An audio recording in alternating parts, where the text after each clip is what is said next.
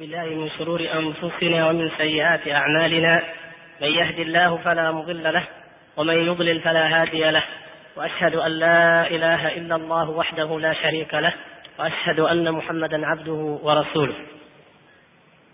اللهم صل وسلم وبارك على عبدك ورسولك محمد وعلى آله وصحبه أجمعين. اللهم اغفر لنا في ليلتنا هذه أجمعين. اللهم إنا نسألك علما نافعا وعملا خالصا صائبا إنك على كل شيء قدير.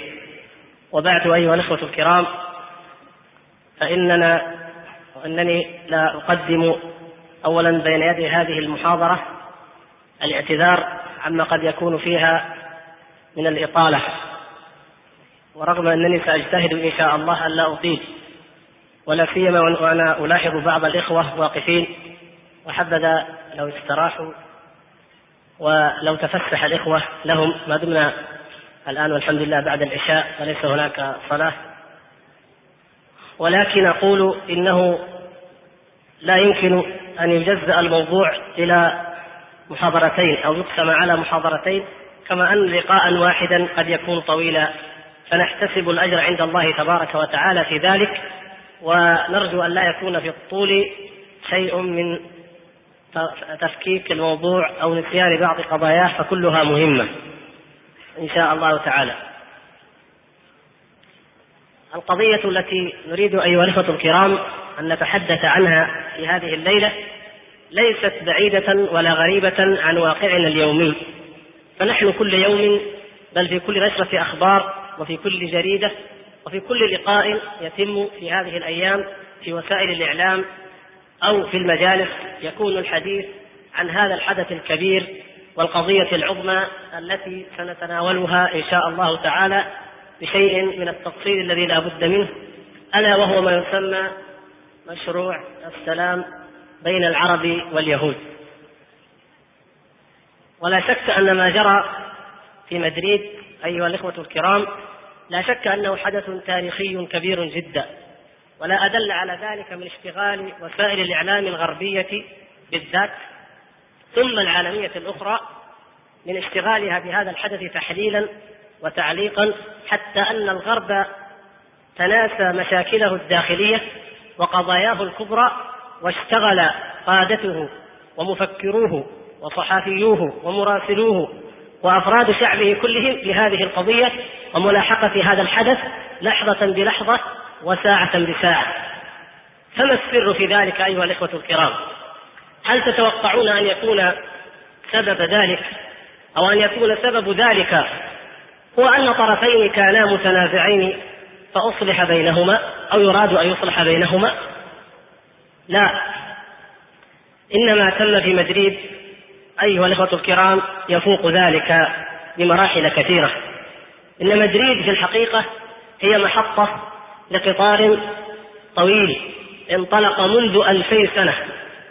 وإن شئتم وكما سنثبت فنقول إنه انطلق منذ خمسة آلاف سنة. وسيستمر إلى أن تقوم الساعة. هذه مدريد ومن بعدها واشنطن محطات عابرة على هذا الطريق الطويل. وهذا الطريق الطويل هو طريق الوعد الذي وعد الله تبارك وتعالى به نبيه وخليله إبراهيم عليه السلام ووعد به صالح ذريته من بعده. هذا الوعد أيها الإخوة الكرام تلتقي عنده الأديان الثلاثة المعروفة في العالم كلها. المسلمون لهم في هذا الوعد دعوة ولكنها ثابتة لله الحمد بكتاب الله وبسنة رسول الله صلى الله عليه وسلم كما سنبين. واليهود والنصارى لهم نظرة إلى هذا الوعد الذي افتروه على الله تبارك وتعالى. ومن ثم فإن الصراع في الحقيقة ليس بين قوميتين ولا بين دول وإنما هو صراع بين وعدين بين الوعد الحق وبين الوعد المفترى.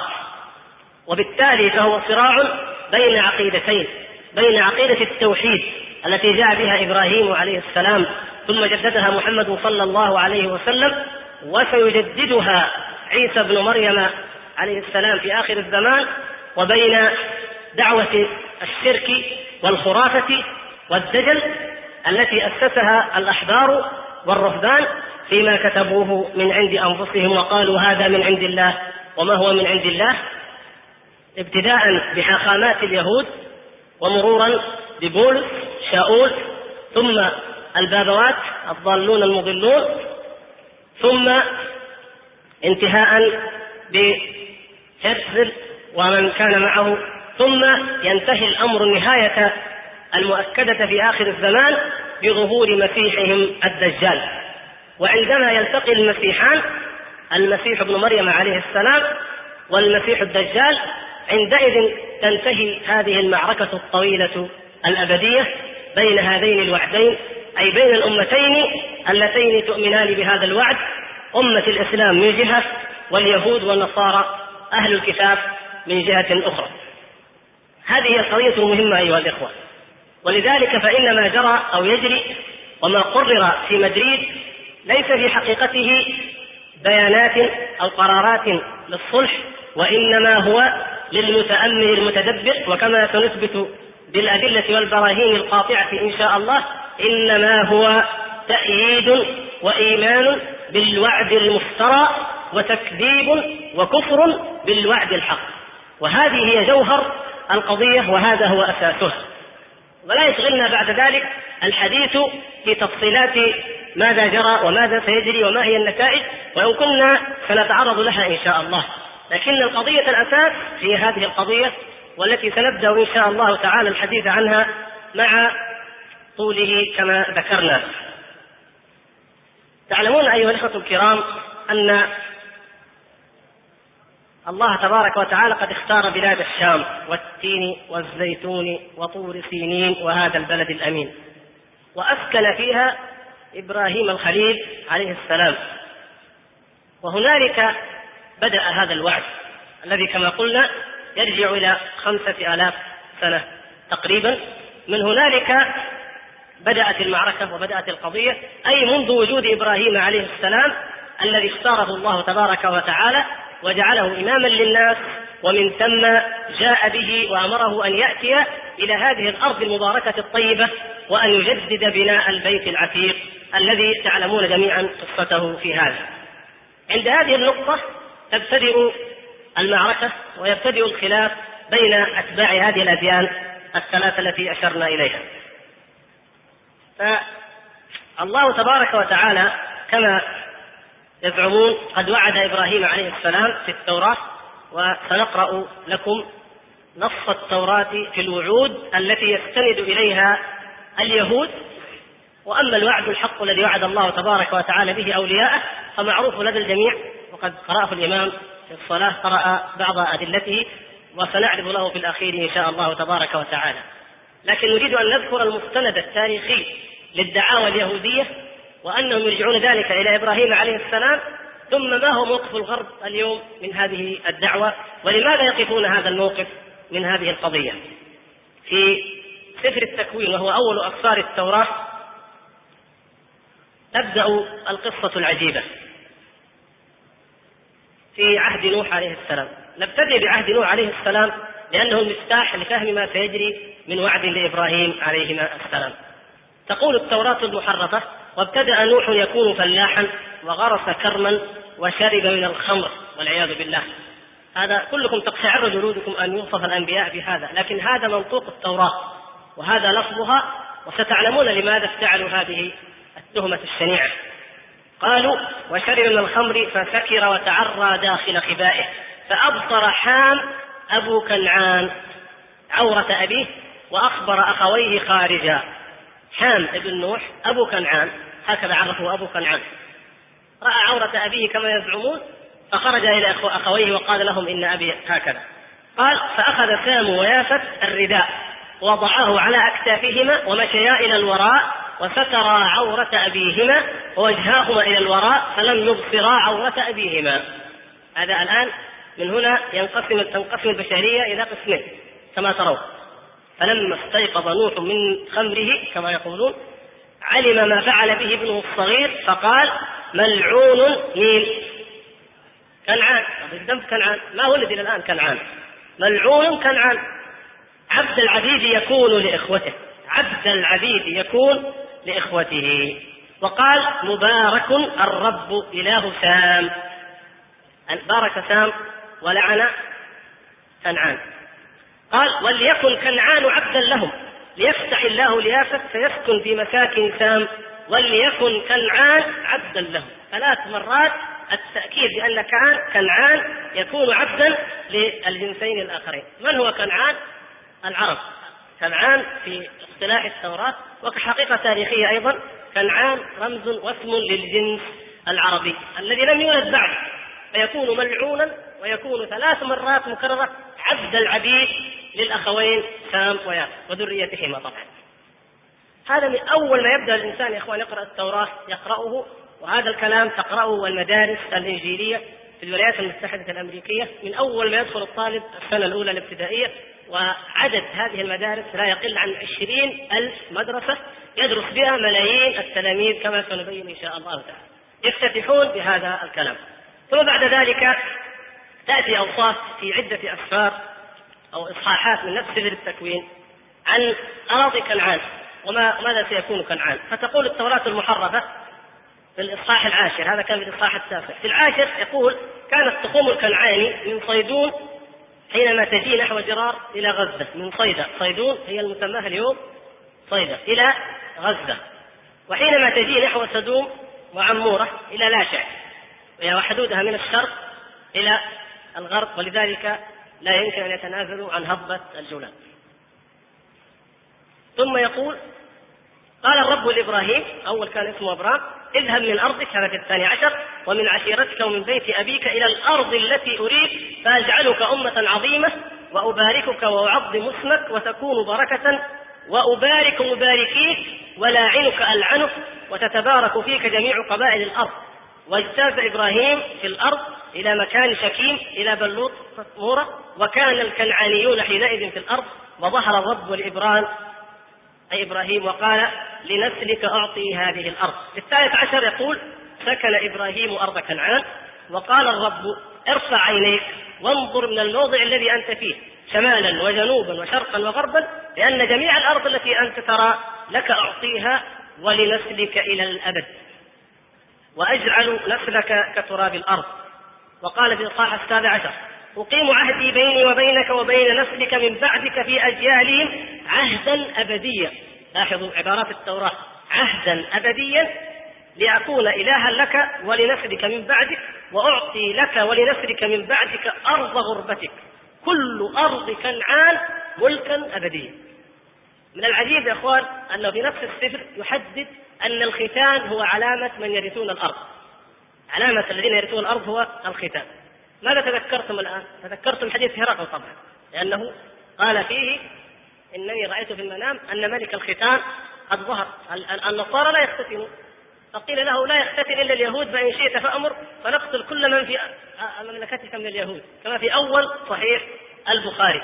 فلما جاءوا له بأبي سفيان وبالعرب عرف أنه قال هذا ملكه. هذا بعدما سأله الأسئلة العجيبة التي في الحديث شهد قيصر هرقل بأن النبي صلى الله عليه وسلم هو الموعود بذلك. لاحظوا لكنهم يحرفون كل هذه النبوات. وتفصيل هذا الكلام تجدونه في كتاب شيخ الإسلام الجواب الصحيح. كيف حرفوا وبدلوا ما بشر الله تبارك وتعالى به.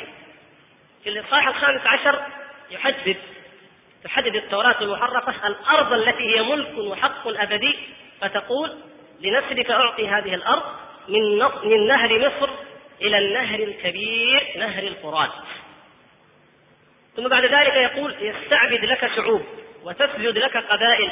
كن سيدا هذا ليعقوب. لإخوتك وليسجد لك بنو أمك ليكن لاعنوك ملعونين ومباركوك مباركين. بعد ذلك يذكرون أن يعقوب نام في بين بئر سبع وحران من أرض فلسطين. فرأى الله تعالى فقال له أنا الرب إله إبراهيم. أبيك وإله إسحاق الأرض التي أنت مضطجع عليها أعطيها لك ولنسلك ويكون نسلك كتراب الأرض وتمتد غربا وشرقا وشمالا وجنوبا ويتبارك فيك وفي نسلك جميع قبائل الأرض. سبحان الله العظيم أقل الأمم عددا في الدنيا اليهود انظروا مع هذا الكلام الكثير عن مباركة النفس وتكثيره أقل الأمم في العالم عددا اليهود. لأن أكثر اليهود الموجودين الآن في الأرض في العالم هم أيضا ليسوا من ذرية يعقوب وإنما هم من يهود الخزر ومن يهود العرب ومن اليهود الأوروبيين. فإذا كم يبقى من اليهود الذين من ذرية إبراهيم عليه السلام؟ وهذا دليل على أن حتى هذه النبوءات يكذبون فيها ويفترون على الله الكذب بهذا الوعد الذي لا حقيقة له. ثم بعد ذلك أيضا يقول أن الله تعالى قال له إن الله يكثرك فتكون جمهورا من الشعوب ويعطيك بركة إبراهيم لك ولنسلك معك لترث أرض غربتك التي أعطاها الله لإبراهيم. الكلام طويل في هذا لا نريد الإطالة به مواضع كثيرة من التوراة تعطي أرض الغربة أرض كنعان ملكا أبديا لمن؟ لذرية إبراهيم. وبالتحديد قالوا تعطيها كما في التوراة المحرفة تعطيها لإسرائيل وبنيه. هذا هو أصل المستند في هذه الدعوة وفي هذه القضية. هنا يأتي إشكال. ولا بد أنه يثور عند كثير من الإخوة. فيقال إذا كان هذا ما يؤمن به اليهود ويعتقدونه فيحق لهم باعتبارهم يهودا. لكن ما دخل النصارى؟ المتوقع أن يكون النصارى مع من؟ مع المسلمين. لأن الذين بزعم النصارى قتلوا المسيح وما قتلوه وما صلبوه كما نعتقد لكن بزعمهم هم الذين قتلوا نبيهم وآذوا الحواريين واضطهدوهم وفعلوا ما فعلوا بالمسيحيين الأوائل بالنصارى الأوائل هم من؟ هم اليهود. وعيسى عليه السلام في آخر الزمان سينزل ونحن نتفق معهم في هذا. أما اليهود يعتقدون أن عيسى عليه السلام نبي دجال كذاب ولن يعود مرة أخرى. إذا سبحان الله أي الطائفتين أقرب؟ كان المفروض أن يكون النصارى معنا ضد اليهود لكن لا سبحان الله استطاع اليهود بمكرهم وخبثهم ودهائهم وبغباوة النصارى وانسياقهم وراء اليهود أن أن يقلبوا ذلك رأسا على عقب استغلوا ماذا؟ استغلوا أن الكتاب الذي يؤمن به اليهود والنصارى معا الكتاب المقدس كما يسمونه يتكون من عهدين أو من قسمين القسم الأول العهد؟ القديم والثاني العهد الجديد. العهد القديم هو التوراة بما فيها هذا الكلام الذي قرأنا فأي نصراني يبتدئ يقرأ كتابه أول ما يقرأ مثل هذا الكلام وأضعاف كثيرة منه. إذا فهم يؤمنون بما يؤمن به اليهود نتيجة لهذا. هذه يعني أحد الأسباب. والأسباب الآخر كما تعلمون جميعا ما جبل عليه أهل الكتاب مما بينه الله تبارك وتعالى في مواضع كثيرة من كتابه من الحسد لهذه الأمة. النصارى حسدوا هذه الأمة رغم معرفتهم كما قد آمن النجاشي وكما قد كاد أن يؤمن هرقل وغيرهم كثير رغم المعرفة المؤكدة برسول الله صلى الله عليه وسلم وصدق رسالته. وعلى ذلك فأصبحت المعركة بين مسيحين المسيح الدجال الذي يؤمن به اليهود ويسمونه ملك السلام والذي يهيئون الآن لخروجه ومعهم النصارى والمسيح ابن مريم عليه السلام أو ما نؤمن به نحن من الوعد بنزوله عليه السلام. لكن المشكلة التي أيضا قد تسألون فتقولون كيف يأتي؟ كيف يؤمن المسيح؟ كيف يؤمن النصارى بعودة المسيح عليه السلام إلى الأرض؟ في نفس الوقت الذي يؤمن به اليهود بأن المسيح هو مسيحهم الدجال طبعا لا يسمونه هم الدجال كيف يكون يلتقي هؤلاء رغم العداوة ما بين المسيحين؟ نقول هذه المشكلة عالجها اليهود والنصارى بخبث ودهاء شديد ولا سيما حاخامات اليهود إذ قالوا إن عودة المسيح تبقى مطلقة.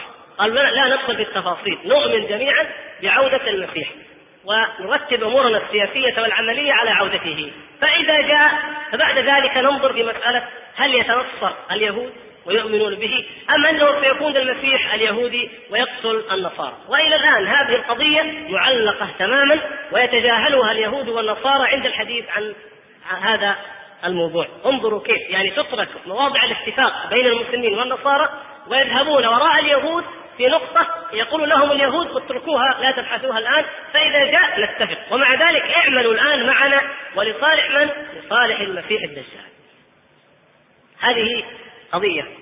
هناك قضية مهمة جدا في سياق التاريخ المعاصر لأننا سنضطر أن ننتقل إلى إلى التاريخ المعاصر لكن نريد أن نقدم بهذا الأمر المهم وهي أنه الغرب يكون أشد عداوة لنا في المرحلة التي نكون نحن أشد تعلقا بها فيها به. هذه قضية لاحظوا كيف.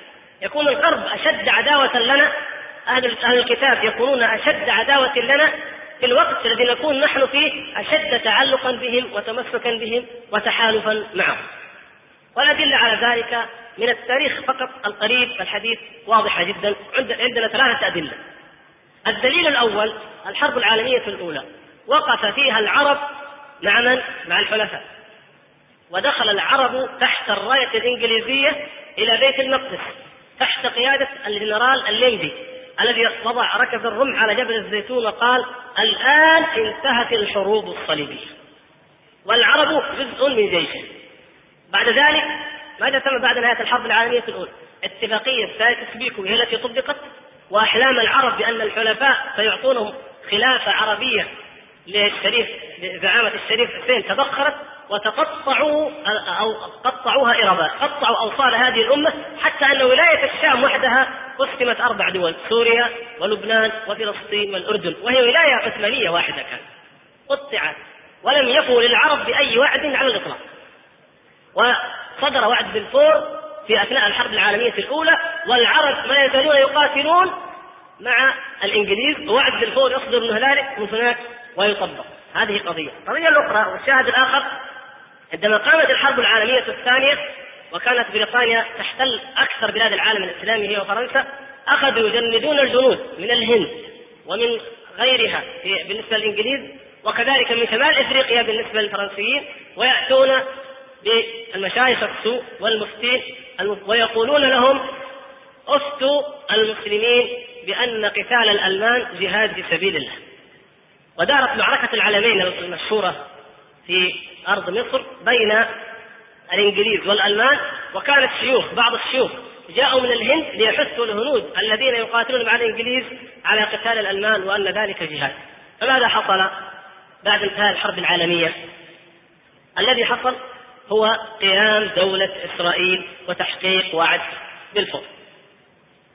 في الحرب العالمية الأولى كانت القضية تحت ستار عصبة الأمم ونقاط الرئيس ويلسون في الحرب العالمية الثانية كانت القضية مغلفة بميثاق الأمم المتحدة وحقوق الإنسان التي في تلك السنة التي أنشأ فيها دولة إسرائيل أعلنت حقوق الإنسان. حتى نعرف حقوق من من البشر يريدون. هذه الحربين.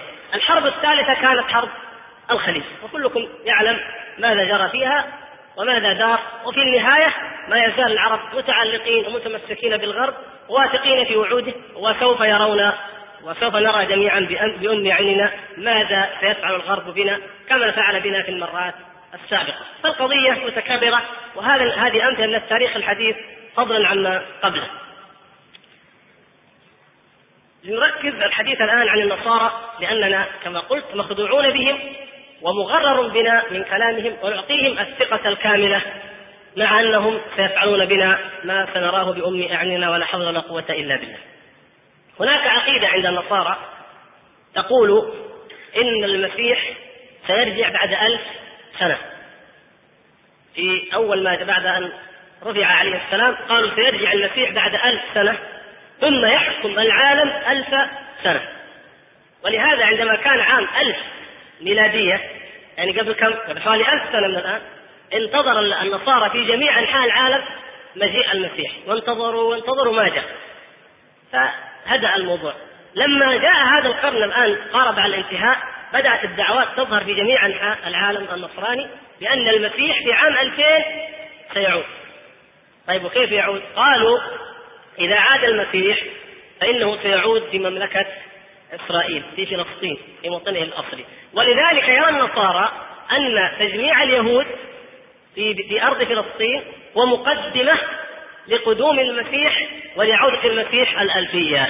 ومن هنا تبنى النصارى منذ أربعة قرون وليس اليهود النصارى قبل اليهود تبنوا قضية تجميع بني إسرائيل في أرض فلسطين تمهيدا لعودة المسيح في الألف سنة الثالثة وهذه حقيقة يؤمنون بها إيمانا عجيبا وقد اوجد لكم يعني الكلام فيها لكن اختصارا آه ظهر كتاب في أمريكا ألفه رجل يدعى اوسترال لوب روبرتس وهذا كتاب مشهور جدا سماه دراما دراما نهاية الزمن وكتاب آخر أكثر منه شهرة وهو كتاب الذي الذي ألفه لاندسي كتاب نهاية أعظم كرة أرضية هذا الكتاب أو هذان الكتابان كمثال يعني كمثالين يفترضان أن عام 2000 أو قريب منه سوف تنتهي هذه الكرة الأرضية نهائيا. كيف تنتهي؟ قالوا كل الحضارات ستنتهي، حتى كان واحد منهم يقول لا داعي أن تفكروا في ديون أمريكا الخارجية. ولا داعي تفكروا في مستقبل الأجيال من بعد، ولا تفكروا في ارتفاع الضرائب في أمريكا، ولا العملية هي بضع سنوات وتنتهي. كيف تنتهي؟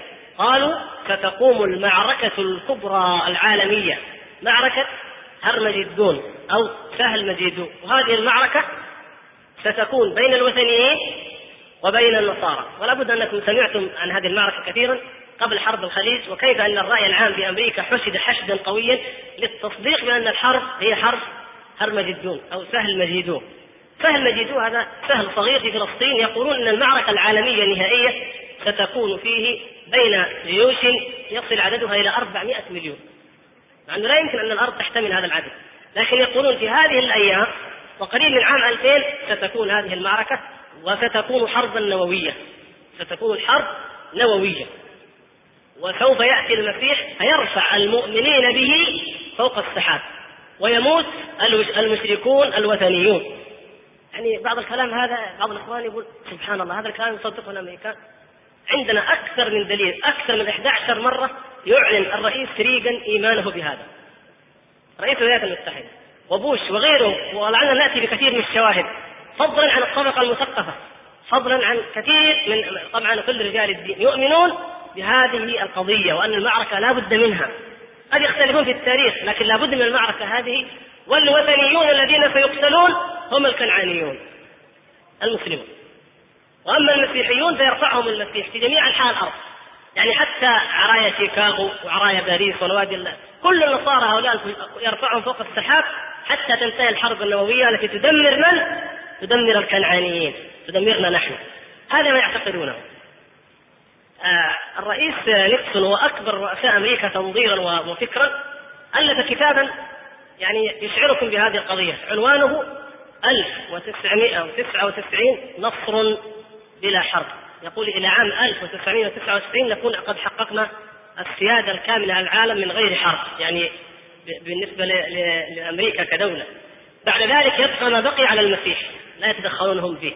يعني هم يحددون إذا لا يأتي عام 2000 إلا وقد هيئوا لعودته. وما بقي عليه هو كما يقولون. هذا الكلام الذي يعتقده الرئيس نيكسون. لعلنا نقرأ بعض مقاطع صغيرة من كتابه هذا الضخم. يقول نيكسون اولا عندما شوف زار واشنطن وهذه من ثمرات الوفاق هذا العداء من ثمرات الوفاق بين الشرق والغرب هذه الحرب الشرسة على الإسلام يقول نيكسون يجب على روسيا وأمريكا أن تعقدا تعاونا حاسما لضرب الأصولية الإسلامية. هكذا رأى يعني الوفاق من أجل ضرب الأصولية الإسلامية. أما الأصولية المسيحية فسوف نحدثكم عنها العجب العجاب من نشاطها وقوتها. لكن هذا ما يراه نيكسون بالنسبة للقاء غورباتشوف وريغان. وهناك نكتة طريفة أوردها واحد من ال... هي نكتة بالنسبة لنا لكن الحقيقة بالنسبة له يساري شيوعي عربي. جمال غيطاني لعل بعض سمع عنه. يقول حضرنا مؤتمر في موسكو. فراح باسم المنظمات اليسارية في العالم العربي. وكان هناك سميح القاسم باسم المنظمات اليسارية في فلسطين هو فلسطيني درزي.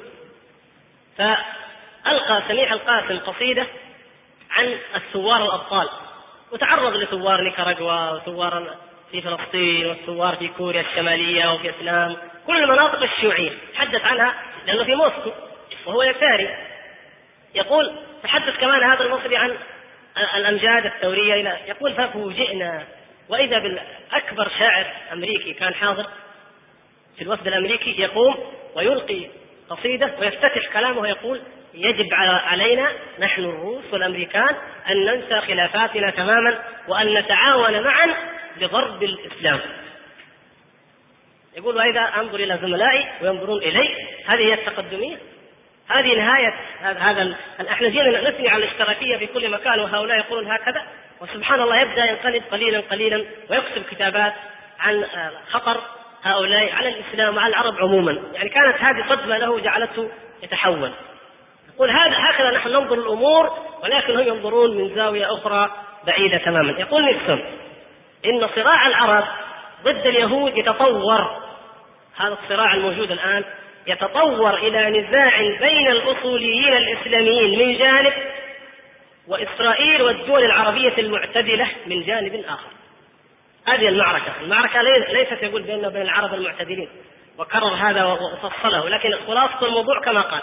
المعركة ستكون بين الأصوليين الإسلاميين من جانب وبين إسرائيل وأمريكا والعرب المعتدلين من جانب آخر. هذه حقيقة المعركة. ويقول في العالم الإسلامي من المغرب إلى أندونيسيا ورثت الأصولية الإسلامية محل الشيوعية باعتبارها الأداة الأساسية للتغيير العنيف. يعني العنف والإرهاب الذي كنا أول نقول نطلقه على الشيوعية انتهى. الآن ورثته الصحوة الإسلامية من المغرب إلى أندونيسيا. لاحظتوا كيف؟ ويختم كتابه بعبارات حماسية عجيبة نذكر واحدة منها. يقول عندما كانت أمريكا ضعيفة وفقيرة منذ 200 سنة مضت كانت عقيدتنا هي المبقية علينا. لاحظوا. ونحن وعلينا ونحن ندخل قرننا الثالث بالنسبة لعمر أمريكا ونستقبل الألف سنة المقبلة أن نعيد اكتشاف عقيدتنا ونبث فيها الحيوية. إذا حتى الرئيس نيكسون يؤمن بالأصولية المتطرفة. طبعا ما يسمى متطرف لأنه ليس داعية إسلاميا.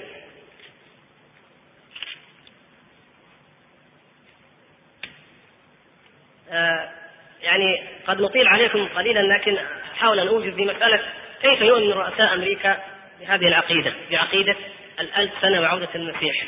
نختصر شوية آه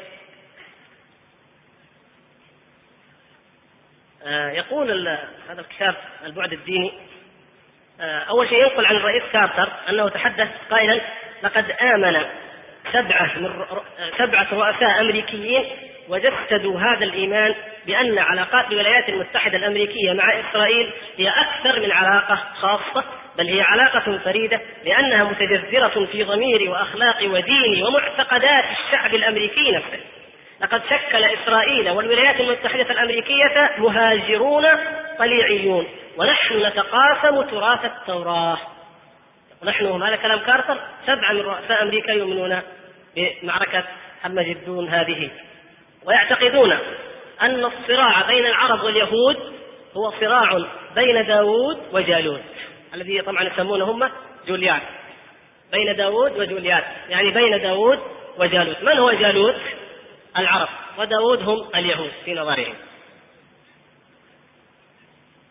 آه تصريح في أول أكتوبر في أكتوبر يعني بلاش التواريخ أتصل أن الرئيس ريغان يعتقد بأن السوفيت سوف يتورطون في مسألة هرمجدون وعندما قام أحد المرشحين أو أحد رجال الدين الكاثوليك وطالب ريغان بالتنكر لهذه القضية وقال كيف كيف تصدق جيري بولوي هذا سنحدثكم عنه إن شاء الله. وتعتقد بأن الحرب النووية لا بد منها؟ يقول هذا الإعلان المحتج على ريغان يقول له لقد قال الرئيس ريغان إن نهاية العالم باتت وشيكة وكررها في أكثر من 11 مناسبة. سواء كان حينما كان حاكما لكاليفورنيا أو رئيسا للولايات المتحدة الأمريكية. وقالها في منزله وفي البيت الأبيض وعلى العشاء وعند الغداء وعلى الهواء. ومن خلال أسلاك التليفون ولرجال الدين والسياسة وقيادات وجماعات الضغط وقالها لرجال مكتبه وللشيوخ وحتى لمجلة الناس. يعني عدوا كم مرة قال ريغان إنه يؤمن بمعركة هرمجدون وأن نهاية العالم باتت وشيكة كما يمنون بها. آه، الرئيس بوش يقول مثنيا على جيري بولوين الذي سنحدثكم عنه إن شاء الله يقول بوش اعتقد بكل أمانة أننا برجال من أمثال. جيري فولويل فإن شيئا فظيعا كالاباده الجماعية لليهود لن يحدث ثانية. هذا جيري فولويل من الزعماء أو أكبر هو أكبر زعيم للاصوليه النصرانية في العالم التي تنادي بعودة اليهود وبعودة المسيح. ويقول آه، هو هو صديق حميم لجورج بوش. وجورج بوش في كتابه يتطلع للامام يقول يذكر أن جده كان قسيسا وأنه متدين. وأنه هو وأسرته يقرؤون الكتاب المقدس كل يوم. وأنه وقع في ورطة لما كان سفيرا في الصين كيف يعمد بنته والتعميد لا يفعله من النصارى إلا المتدينون. وكلام كثير يذكر هو بنفسه. يعني لا نحن يا إخوان ننبه هنا لا نعني متدين أنه يعني متمسك بكل شيء. دينهم أصلا دين فضفاض دين مرن دين واسع. لا يقوم على حقائق تفصيلية وإنما التزام عام. فهو في حدود الالتزام العام الذي ترضى به الكنيسة ويرضى به رجال الدين يعتبر من المتدينين والشواهد كثيرة على ذلك أيضا لا نريد الإطالة فيها حسبنا ما يعني ما قدمنا من أن هؤلاء الرؤساء وهم سبعة يؤمنون بما ذكرته التوراة من النبوءات التوراتية. كيف نشأت الحركة الصهيونية التي تطالب وتعد بأن أرض فلسطين أرضا يهودية ومن أين جاء الشعور للعالم بأن الوعد الذي وعد الله تبارك وتعالى لإبراهيم هو لليهود وليس للمسلمين؟ الذي نسمع عنه وقرأناه في التاريخ أن الذي بدأ هذه الدعوة هو هرزل واليهود والحقيقة غير ذلك. أول من بدأ الدعوة لتجميع اليهود ولتصديق نبوءات التوراة هم النصارى قبل اليهود. وقبل الحركة الصهيونية بأكثر من أربعة قرون هذه الحقيقة التي إن لم نعيها جيدا فإننا لا نستطيع أن نقدر ونعرف مواقف الغرب وأمريكا خاصة من الصراع الذي نحن نعيش فيه الآن. كيف كانت كيف كان اليهود في أوروبا؟ أولا حتى نصل إلى من بدأ هذه الحركة لأن الحركة هذه بدأها مارتن لوثر زعيم الإصلاح الديني اليهود ملعونون في الإنجيل والله تعالى قد لعنه مبين لعن الذين كفروا من بني إسرائيل على لسان داود وعيسى بن مريم ذلك بما عصوا وكانوا يعتدون. ملعونون وهم إخوان القردة والخنازير. ليست هذه القضية عند عند النصارى. ملعونون عند النصارى لأنهم يعتقدون أنهم قتلوا ربهم المسيح. تعالى الله عما يقول الظالمون علوا كبيرا. الكنيسة البابوية التي مقرها روما استمرت في لعن اليهود وعداوة اليهود بشكل عجيب جدا. يعني من الأشياء الطريفة أنه انتشر وباء طاعون يسميه الغربيون في التاريخ الطاعون الأسود أو الوباء الأسود. قضى على ملايين من الأوروبيين حتى أكفرت كثير من المدن والقرى. هذا الطاعون الأسود أعلن الباب في منشور رسمي عمم في جميع أنحاء أوروبا أن هذا الطاعون سببه اليهود. وليس لهم دخل طبعا ماتوا اليهود معهم لكن من شدة أنه أي شيء من الشر ينسب إلى من؟ إلى اليهود. وقامت حملات شديدة جدا لتنظيف المجتمعات من اليهود وتزعمها البابا وتم تنظيف بريطانيا من اليهود وتم تنظيف ألمانيا وفرنسا. القرن الثالث عشر الرابع عشر الخامس عشر نظفت تماما كثير من دول أوروبا من اليهود. هكذا يسمونها تنظيف لأنهم يرونهم أخبث وأشر خلق الله وهم كذلك. أين لجأ النصارى؟ لجأوا إلى الأندلس الإسلامية والمسلمون يحتضنون اليهود. وحتى لما هربوا من الأندلس أكثرهم هرب إلى سيراميك وإلى الدولة العثمانية لأنهم يعاملونهم على أنهم أهل الكتاب أهل ذمة. وعندما حكم النصارى الأندلس واحتلوا مدريد وهي أرض إسلامية احتلوا هذه المنطقة الإسلامية عندما احتلوها قاموا بطرد اليهود وتعذيب اليهود مرة أخرى. طبعا عذبوا المسلمين عذابا هائلا لكن المقصود أنهم عذبوا اليهود وطردوهم.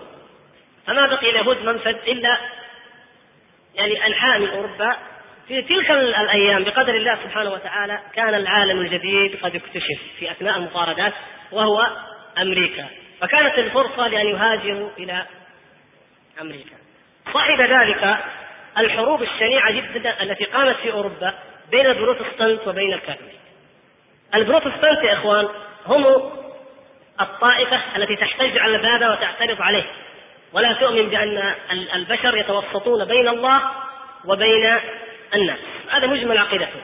فقالوا لابد أن كل إنسان يقرأ الكتاب المقدس مباشرة ويؤمن بما فيه مباشرة. وأخذوا هذا من المسلمين بعد الحروب الصليبية. لما رأوا المسلمين والحمد لله يقرؤون كتاب الله ولا يتوسط أحد بينهم وبين الله سبحانه وتعالى.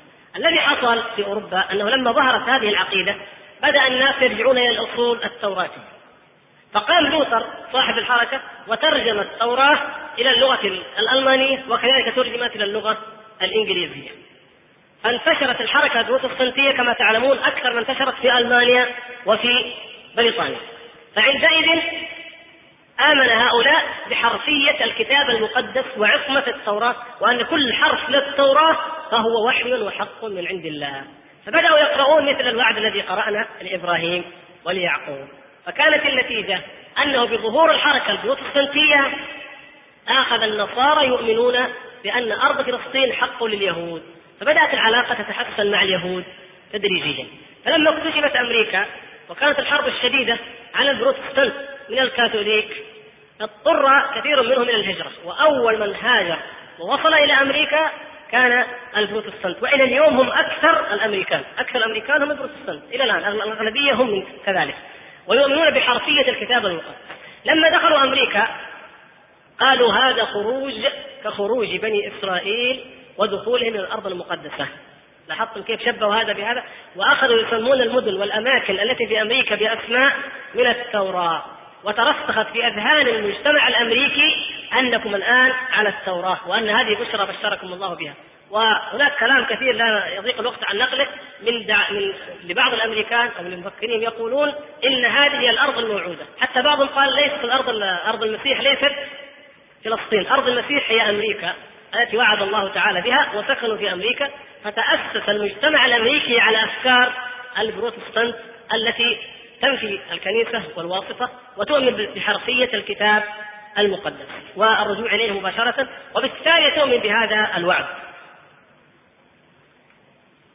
في أثناء نهضة الحركة البروتستانتية في بريطانيا وفي أمريكا وخاصة في القرن الماضي بدأت الفكرة الصهيونية تترعرع وجدت الفكرة والحركة الصهيونية وتسمى الصهيونية النصرانية تمييزا لها عن الصهيونية اليهودية التي دعا إليها هرزل وأتباعه كما نعلم. مثلا نضرب أمثلة فقط سريعة في بريطانيا أنشئ صندوق اكتشاف فلسطين أيام الملكة فيكتوريا وكان رئيس الصندوق هو رئيس أساقفة كانتربري. أكبر الأساقفة في بريطانيا هو رئيس هذا الصندوق. ومهمته اكتشاف أرض الميعاد وحدود أرض الميعاد كما في التوراة ثم ظهر بعد ذلك آه، بالفور بالفور صاحب الوعد هذا المشهور تقول مؤرخة حياته ابنة أخته إنه كان يؤمن إيمانا عميقا بالتوراة. ويقرأها ويصدق بها حرفيا وإنه نتيجة إيمانه بالتوراة أصدر هذا الوعد. وكان رئيس وزراء بريطانيا في أيامه هو لويس جورج. لويس جورج يقول عن نفسه إنه صهيوني وإنه يؤمن بما جاء في التوراة من ضرورة عودة اليهود وإن عودة اليهود هي مقدمة لعودة المسيح. وكلام كثير شواهد من كلامهم يضيق الوقت عن عدها. هذا في بريطانيا. أمريكا ظهر في الوقت نفسه كما ذكرنا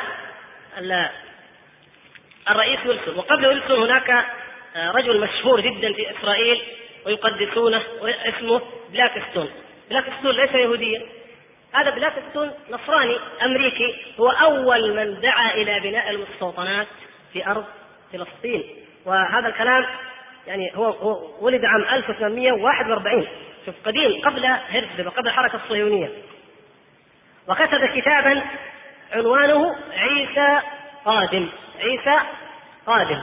هذا بلاكستون وترجم إلى أكثر من 48 لغة منها العبرية وطبع عدة طبعات وبيع منه أكثر من مليون نسخة. وكان أوسع الكتب انتشارا في القرن التاسع عشر. قبل أن يفكر اليهود بحركتهم كان هذا الرجل الأمريكي بلاكستون ويقول إن النبوءة التوراتية هي أكثر إيفاء من تلك الصهيونية الحالية. وكان يؤمن في كتابه بما يقول يعبر عنه يقول الاستعادة الأبدية لأرض كنعان من قبل الشعب اليهودي تذكرتم الآن الوعد؟ الاستعادة الأبدية لأرض كنعان من قبل الشعب اليهودي هكذا كان بلاكستون ثم بعد ذلك استطاع بلاكستون أن يجمع هو ومجموعة ممن معه عريضة ويوقعوها من أكثر من 413 شخصية أمريكية من النواب والقضاة والمحامين وشخصيات كبيرة جدا ويرفعوها إلى الرئيس بنجامين هاريسون يطالبون فيه باستخدام نفوذه ومساعيه لتحقيق طلبات الإسرائيليين بالعودة إلى أرض فلسطين. هذا هذه العريضة قدمت عام 1891 لاحظ. بعد ذلك ظهر الرئيس ويلسون الذي كان يحكم أمريكا أثناء الحرب العالمية الأولى حينما كان العرب كما ذكرنا يحاربون مع الحلفاء والرئيس هذا آه، ويلسون يقول عن نفسه عن نفسه هو إنه يتوجب يعني يجب على ابن راعي الكنيسة يعني نفسه أن يكون قادرا على المساعدة لإعادة الأرض المقدسة إلى شعبها اليهودي. ويقول عنه إحدى المؤلفات اليهودية إن التزام الرئيس ويلسون بالصهيونية كان عميقا جدا وكان معميا بالفكر الصهيوني المسيحي إلى الدرجة التي لم يرى فيها النتائج الأخلاقية والسياسية والدينية للبرنامج الصهيوني. ومن الغرائب أيضا وهي على سبيل النكتة وهو رئيس الدولة المثقفة في العالم كما يقول أحد المؤرخين أن الرئيس ويلسون كان يظن أن عدد اليهود في العالم 100 مليون. في الوقت الذي لم يكن عددهم يتجاوز فيه أحد عشر مليونا. انظروا كيف استطاعوا أن يربوه؟ حتى يعتقد هذه الاعتقادات ورسخوا في ذهنه هذا الشيء. في ايامه أو من بعده ظهر رجل لابد من الإشارة إليه وهو آه، أحد آه، الزعماء الأمريكيين البارزين وكان رئيس لجنة العلاقات الخارجية بعد آه، الحرب العالمية الأولى في في الكونغرس يقول في بخطاب ألقاه في بوسطن عام 1922 إنه جدير بالثناء أن يرغب الشعب اليهودي في كل أنحاء العالم أن يكون هناك وطن قومي لأفراد جنسه الراغبين في العودة إلى البلاد التي كانت مهدا له والتي عاشوا وعملوا فيها عدة آلاف من السنوات. طبعا هذا كذب لأنه ما بقوا فيها إلا سنوات معدودة. يقول يختم كلامه قائلا إنني لا أحتمل فكرة وقوع القدس وفلسطين تحت سيطرة المحمديين. هذا رئيس لجنة العلاقات في الكونغرس والكلام هذا قبل كم؟ عام 1922 قبل قيام دولة إسرائيل وما يزالون عصابات موزعة هنا وهنا. يقول لا أحتمل لا أطيق لا يطيق أن تظل القدس وفلسطين تحت سيطرة المحمديين كما يزعم يعني المسلمين حتى تعلموا أنه قبل اشتداد عود اليهود كان النصارى أنفسهم مؤمنين بما يريدون أن يحققوه لإسرائيل اليوم آه لابد أن نتجاوز على عجل هذه الأحداث لنتحدث عن الواقع القريب جدا أو الحاضر الآن. كانت هذه النتيجة يا إخوان نتيجة هذه الحركة البروتستانتية التي كان منها هؤلاء الرجال الذين ذكرنا أن ظهرت في أمريكا صحوة دينية عجيبة. نعم إنها صحوة ويسمونها صحوة ويسمونها أصولية الصحوة الأصولية أو الإنجيلية ويؤمن أفرادها بهذه هذه الوعود أو هذا الوعد وبضرورة قيام دولة إسرائيل ومساعدة دولة إسرائيل والقضاء على المسلمين. فانتبهوا بارك الله فيكم. هذا موضوع مهم وهذا كلام له ما بعده بالنسبة لنا. يجب أن نعي جيدا أننا مغفلون نحن المسلمين ومستغفلون من قبل وسائل إعلامنا التي لا تعطينا هذا الوجه الحقيقي الذي يتكاثر ويتنامى كل يوم في أمريكا بلاد العلمانية والإباحية وبلاد الإلحاد. ولكن مع ذلك فيها هذا الاتجاه وفيها هذه الصحوة. وهذه معلومات طويلة جدا عنها ولكنني سأحاول أن أختصر بقدر الإمكان. اولا الأمريكان ليسوا شعبا غير متدين كما قد يبدو لنا. لكن كما قلت وأؤكد ذلك الدين عندهم دين عام دين فضفاض دين مرن يكفي أن ترتبط بالكنيسة فتكون متدينا وتؤمن بما تقول الكنيسة وما تعد به وما تقرره هذا المقصود لا يعني ذلك السلوك الجاد لكن نقول في إحصائيات عالمية اجريت تبين من بين الدول النصرانية أن أكثر الشعوب النصرانية في العالم تدينا من حيث النسبة العددية اولا إيرلندا ثم تأتي بعدها أمريكا. ويذكر معهد جالوب متخصص هو في الإحصائيات أن أكثر من 94% من سكان الولايات المتحدة الأمريكية يؤمنون بالله. يعني عملوا استبيانات كبيرة جدا. وجدوا أن 94% يؤمنون بالله. كما كما يظنون طبعا كما يعتقدون. وأن 71% من سكانها أيضا يؤمنون بالبعث بعد الموت. لاحظتوا كيف؟ إذا هم يؤمنون لكن بالإنجيل فقط. تقول أيضا بعض الأحصائيات أن أعضاء الجسم الكنسي في الولايات المتحدة الأمريكية في عام 1970 كان 100 131 مليون من الأمريكان. كلهم منتمين إلى الكنائس. ارتفع عام 1980 إلى حوالي 135 مليون لكنه قفز خلال السنتين التاليتين إلى 139 مليون و600 ألف انظروا كم نسبتهم بالنسبة إلى بقية الأمريكان كم يتبرع به هؤلاء الأمريكان للكنائس؟ إحصائية في عام 1982 تعتبر قديمة تقول إنهم يتبرعون بحوالي 60 ألف مليون دولار و39% أحذفوا الكسر. 60 ألف مليون دولار. يعني يمكن يكون الآن كم؟ هكذا يتبرعون لكنائسهم نذكر بإيجاز كم عدد المدارس المدارس الدينية في أمريكا. كم عددها؟ كم تتوقعون؟ والجامعات. والشبكات التلفزيونية. كم؟ أتظنون أن الصحوة النصرانية في أمريكا مثل الصحوة الإسلامية عندنا؟ ليس لها مجلة ولا جريدة ولا إذاعة. فضلا عن قناة تلفزيونية بالأقمار الصناعية. أتظنون ذلك؟ انظروا كيف يكون كيف عند ماذا عند الأمريكيين وماذا عند علماء دينهم؟ تمتلك الكنائس أنا أقرأ الآن وتدير عدة مئات من المعاهد والكليات والجامعات في الولايات المتحدة الأمريكية. في عام 81 82 لاحظوا عشر سنوات هذا الكلام بلغ عدد معاهد التعليم العالي 1978 معهدا. يعني الآن خلوها بس صارت كم؟ 2000 معهد. أما المدارس فإنها بعد أن كانت في عام 1954 و55 كان عددها لا يزيد عن 123 مدرسة أصبح عددها في عام 1980 يزيد عن 18 ألف مدرسة. لاحظوا يا إخوان لماذا؟ أنا أسأل سؤال وأرجو أن تجيبوا عليه وتفكروا فيه. لماذا كان المبتعثون الأوائل في, في هذه السنوات 70 و80 هجرية والتسعينيات الهجرية إلى أمريكا يرجعون ملحدين منحلين؟ والذين يبتعثون في السنوات الأخيرة يرجعون متمسكين متمسكين في الغالب إن شاء الله. بسم الله. لاحظوا هذه الملاحظة. اسألوا الذين ابتعثوا قبل عشرين سنة أو ثلاثين لأمريكا أو حولها. كان النصارى لا يكلمونهم في الدين أبدا. الأمريكان ما كانوا يكلموهم في الدين أبدا. وكانوا يقولون نحن كافرين بديننا لماذا لا تكفرون بدينكم؟ إلى آخره. فكفر المؤمنون بالله من المسلمين كما كفر أولئك. في السنوات الأخيرة ابتعث الطالب أول ما يدخل جامعة وإذا هذا يناقشه. وزميلته تناقشه والمدرس والمدرسة كل واحد يناقشه في الدين. هذا في أمريكا. إذا صحوة كبيرة جدا فعلا. فبدأ المسلمون حتى أفسق الفساق من المسلمين. سبحان الله إذا جاءت قضية قضية دين ومناقشة وإنجيل وقرآن يعلم أن الحق قطعا مع القرآن وأن المسلم هو الذي يؤمن بالحق فعلا. هذا أحد الدلائل على ذلك.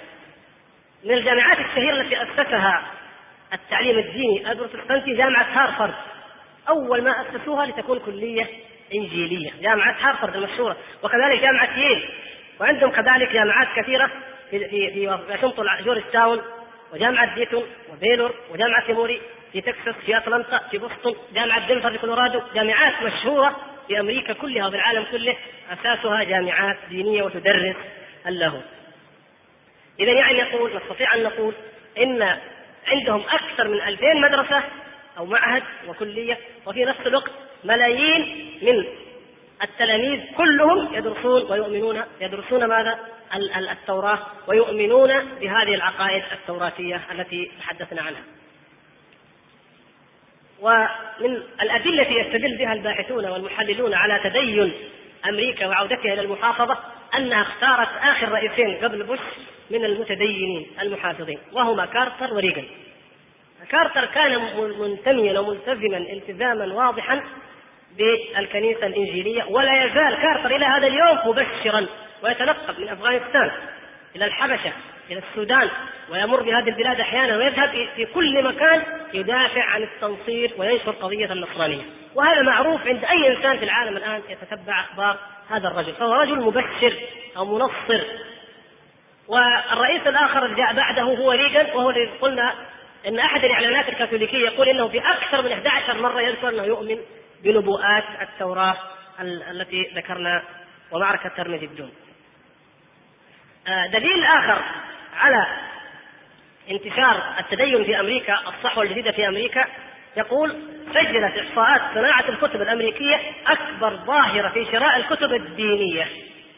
كأنهم يتكلمون عنه هنا الحمد لله في السنوات الأخيرة. أصبح أكثر الكتب بيعا هي الكتب الدينية. يقول ففي آه، عام 1984 بيع أكثر من ثلث السوق كان كتبا دينيه وتقدر هذه الكتب بحوالي مليار دولار. دفع ثمنها حوالي 37 مليون مشتري. نجي إلى دلائل أغرب وأعجب من هذا كله وهي ما أثر الدين في الإعلام الأمريكي؟ محطات الإذاعة ومحطات التلفزيون وكلها دائما تفتتح وتتحدث عن التوراة ورجالها. يقول احتلت صور النجوم نجوم البرامج الدينية المسموعة والمرئية أمثال بيلي جراهام وجيري فولويل. صفحات أبرز المجلات الأسبوعية وأصبحت تسيطر على عقول الأمريكيين حتى أن هؤلاء النجوم ومنهم سواجرت معروف عند الجميع لأنه معروف بماذا سواجرت؟ مناظرة مع ديداس نعم. فجيمي سواجرت أحد هؤلاء النجوم كما سنذكر أصبحوا أصبح هؤلاء النجوم نجوم الأصولية الأمريكية ينافسون نجوم السينما ونجوم الرياضة والفن في أمريكا بكثرة من ينظر إليهم ويتتبع أخبارهم وأحاديثهم أسبوعيا. وقدرت بعض الإحصائيات نسبة الأمريكيين المستمعين والمشاهدين لبرامج الأصولية الأمريكية في عام 1980 بحوالي 47% من السكان. هذه إحصائية قديمة 47% ويقولون إنهم يفتتحون محطة إذاعية كل أسبوع ومحطة تلفزيونية كل شهر. إذا كان هذا حالهم فكم قد وصل العدد الآن من تلك الأيام؟ هناك رابطة مشهورة معروفة في جميع أنحاء أمريكا اسمها رابطة الرابطة الوطنية للمذيعين الدينيين المذيعين الدينيين أي الإذاعات الدينية في جميع أنحاء أمريكا. هذه الرابطة أنشئت عام 1944 كان عدد محطاتها عام 1944 كم؟ 49 محطة. في عام 1980 أصبحت 800 محطة. وارتفعت في عام 1982 لتبلغ ألف محطة. وتنتج برامج دينية أو تدير محطات دينية. من العجيب أن هذه أو مما يجدر ذكره أن هذه الرابطة ابتدأت منذ عام 1980 بعد هذا التوسع الهائل تنظم مؤتمر سنوي لأعضائها. وفي هذا المؤتمر تقام صلاة إفطار. يقيمون في الصباح في المؤتمر صلاة إفطار لمصلحة إسرائيل. يصلون صلاة إفطار لمن؟ لإسرائيل. وتسيطر الحركة المسيحية الأصولية على أغلبية شبكة محطات الكنيسة المرئية والمسموعة. ويلتقي نجمان من نج... لاحظوا يتلقى ويتلقى نجمان من نجومها. وهما جيري فولويل وبات روبرتسون. ونأتي عليهما إن شاء الله فيما بعد. يتلقى يتلقيا اموالا أكثر مما يتلقاه الحزبان الرئيسيان في الولايات المتحدة الأمريكية وهما الحزب الديمقراطي والحزب الجمهوري. كل هذه حقائق بالأرقام ومن الصحافة الأمريكية. وقد اعتبرت الحركة المسيحية الأصولية أو قد اعتبرت أهم ظاهرة سياسية في القرن العشرين وانكب العلماء علماء الاجتماع وعلماء النفس يا إخوان انكبوا لدراسة هذه الظاهرة. آه هناك قضية لابد أن نذكركم بها. يجب أن نربط بين ظهور الإيدز والهربز وبين انتشار الصحوة الدينية في أمريكا، لماذا؟ لأن الناس شعروا بأهمية الدين. كان هناك أقليات أمريكية كنائس محدودة أتباعها كذا مليون قليلة ترفض الزنا وتحاربه بشدة وتحافظ نوعا ما على أبنائها وبناتها منه. لما انتشرت هذه الأمراض الخبيثة ازدادت هذه الكنائس وتحولت من كنائس محدودة إلى كنائس عالمية كبيرة جدا. كذلك ائتمان المخدرات، الضياع، القلق، الفراغ، كل هذه العوامل أدت إلى الأصولية الأمريكية، إلى أن تتنامى هذه الأصولية ليصبح عددها الآن ما يقارب 80 مليونا مع اتباعها. ولذلك تعتبر من أهم الحركات في العصر في القرن العشرين ويتوقع لها أحد المحللين أن تستمر 500 عام على الأقل يقول إذا دقت هذه الصحوة بهذه القوة فسوف تستمر 500 عام.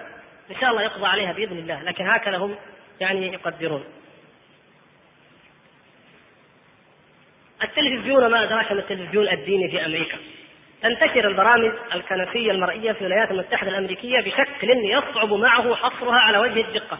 لكن الرابطة المذكورة رابطة الإذاعيين الوطنيين تقول إن لديها ألف محطة تلفزيونية وإذاعية مشتركة في نشاطها. كما تقدر أن عدد المستمعين إلى المحطات الإذاعية الأعضاء فيها يصل إلى 115 مليون شخص أسبوعيا وإلى حوالي 14 مليون شخص لأعضائها من الكنائس المرئية.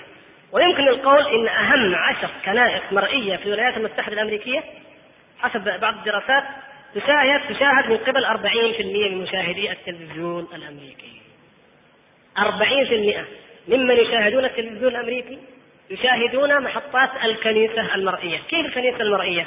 نحن والحمد لله نؤمن في ديننا كما أخبر النبي صلى الله عليه وسلم وجعلت لي الأرض مسجدا وطهورا. في أي مكان نصلي لكن هم ما يقدر إلا ان يأتي إلى الكنيسة.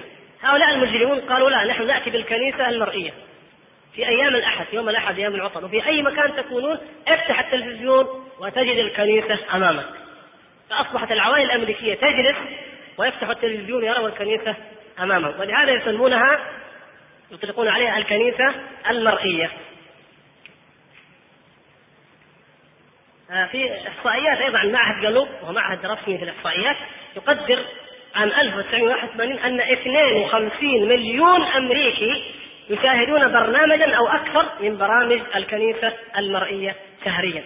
عام 83 ارتفع العدد إلى 60 مليون شخص لما ظهر الإيدز. ويعني عوامل أخرى طبعا. وبلغ عدد المحطات محطات التلفزيون الكنسيه هذه ألف في عام 85 كم وصل العدد؟ 1500 محطة كلها محطات تلفزيون ديني وفي أمريكا أما محطات الإذاعة الدينية فيقدر عددها ما بين 1200 إلى 1400 محطة تبث الواحدة منها حوالي 17 ساعة يوميا عندنا إذاعة القرآن محدودة يمكن ما أثرها كم. هؤلاء عندهم كم؟ ما بين 1200 إلى 1400 محطة وتبث لمدة كم؟ 17 ساعة. تبث الكفر والضلال والإلحاد. واستفادت من ماذا؟ من الأقمار الصناعية. ويقدر أن نصف هذه المحطات تستخدم الأقمار الصناعية. هذا عام 85 يعني الآن يمكن كل المحطات قد استخدمت الأقمار الصناعية. فهي تبث في جميع أنحاء العالم.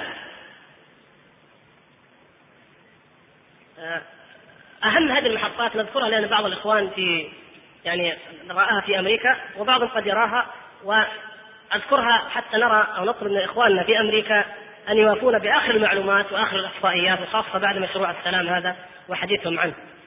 آه، أشهر المحطات آه، أو الإذاعات أول شيء الكنائس المرئية أولا هذا بات روبرتسون هذا المشهور جدا الخبيث في أمريكا محطة 700 نادي يأتي بعده جيمي سواجرت الذي ناظره أحمد ديدات محطته عنوانها أو برنامجه عنوانه الحملة الصليبية الأسبوعية. بعده ساعة من القوة روبرت شولر بعده مجد الرب جيم باكير بعدين توقع معجزة أورال روبرتس بعده ساعة من إنجيل زمان جيري فولويل. الخبيث هذا مشهور جدا. ثم بعد ذلك بقية المحطات. يقول جيمي سواجرت خذوا مقطع واحد فقط شاهد يا إخوان من كلام سواجرت عن هذا عن عقيدته بالنسبة لإسرائيل وهو صاحب محطة من أكبر المحطات وشبكة عظيمة جدا من الإذاعات والصحافة أيضا. يقول أشعر أن الولايات المتحدة الأمريكية مرتبطة بحبل ولادة سري مع إسرائيل وتعود هذه الروابط في اعتقادي إلى ما قبل ظهور الولايات المتحدة الأمريكية بزمن طويل كما ترجع الفكرة اليهودية المسيحية إلى إبراهيم ووعد الرب له. وهو وهو وعد أعتقد أنه يشمل الولايات المتحدة الأمريكية أيضا. يعني وعد الرب يشمل أيضا أمريكا. لأن الله ما زال يقول إني أبارك الذين يباركون إسرائيل وألعن من يلعنونها. ومن فضل الله على الولايات المتحدة الأمريكية أنها ما زالت قوية اليوم. وأنا واثق أن هذا يعود إلى كونها تقف وراء إسرائيل وأدعو الله أن نظل دوما سندا لإسرائيل. هكذا يقول. وقال واحد منهم آخر بلفظ أصرح من هذا يقول إن سبب كون الولايات المتحدة الأمريكية أقوى دولة في العالم اليوم هي أن الرب قال أبارك مباركيك وألعن لاعنيك. وأمريكا تقف مع من؟ مع مع مع من يبارك اليهود؟ مع اليهود. فإذا أمريكا مباركة ولهذا جعلها الله أقوى دولة. في العالم وهذا كلام سوغر كما سمعت. نتجاوز شبكاتهم وإذاعاتهم إلى القيادات بالتفصيل. ما هي قيادات التيار الأصولي الأمريكي؟ ولا تحسب إنه مثلنا هنا يعني في العالم العربي الأصولية محاربة ومهاجمة والجرائد تتهمها والناس ضدها. ابدا هناك يعني نذكر لكم الشخصيات ونذكر لكم أعمالها وتروا الفرق بين أصوليتهم المؤيدة والمدعومة وبين الحق الذي يؤمن به من يدعو إلى الله تبارك وتعالى ويوصم بأنه أصولي ويحارب مع ذلك مع الأسف الشديد. أشهر هذه القيادات وأعظمهم أثرا هو المدعو جيري فولوي صاحب المنظمة التي يسمونها منظمة الأغلبية الأخلاقية أو الأغلبية المعنوية. يقول من كلماته إن دعم الولايات المتحدة الأمريكية لإسرائيل ليس من أجل مصلحة إسرائيل. لا كيف؟ قال ولكن من أجل مصلحة الولايات المتحدة الأمريكية نفسها. هذا رجل يعني عجيب جدا. ظهر بدعوى طويلة جدا في أمريكا عريضة تقول إن الولايات المتحدة الأمريكية يجب أن تكون أمة مسيحية. وبعد أن ظهر له شعبية وإذا به يقلب هذه الدعوة ويغير هذا الشعار ويقول إن الولايات المتحدة الأمريكية جمهورية مسيحية يهودية. أضاف عبارة يهودية وهذا هو المطلوب بالنسبة له ويقول فولويل إن الوقوف ضد إسرائيل هو وقوف ضد الله. كل من يقف ضد إسرائيل يقف ضد الله. ويقول وعد وعد الله لإبراهيم منذ أربعة آلاف عام. دائما يشير إلى ماذا؟ إلى وعد الله لإبراهيم منذ أربعة آلاف عام. سأبارك من يبارك إسرائيل وألعن من يلعنها. ويقول وعلى هذا فإن على الولايات المتحدة الأمريكية أن لا تتردد في تقديم كل الدعم المالي والعسكري إلى إسرائيل. وعندما قامت دولة إسرائيل عام 48 لم يعتبر ذلك مفتاحا للنبوءات التوراتية فحسب بل قال إن هذا علامة على ما أسماه مباركة الله وفاء لشعبه لشعب الله. وبعدين يقول فورول هذه مهمة جدا بالنسبة لمشروع السلام يقول إنه لا مجال للنقاش في كون يهوذا والسامرة جزءا من إسرائيل. ما هي يهوذا والسامرة؟ لا يهوذا والسامرة إيش تسمعوها كل يوم في إسرائيل.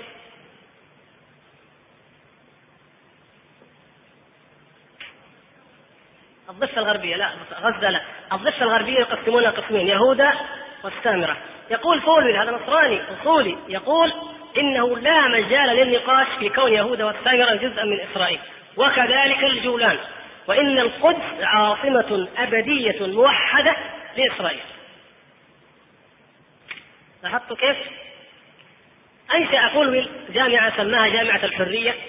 ويقول عام 2000 سيصل عدد طلابها إلى خمسين ألف طالب ويتعلم فيها الطلاب علوم اللاهوت من وجهة نظر يهودية.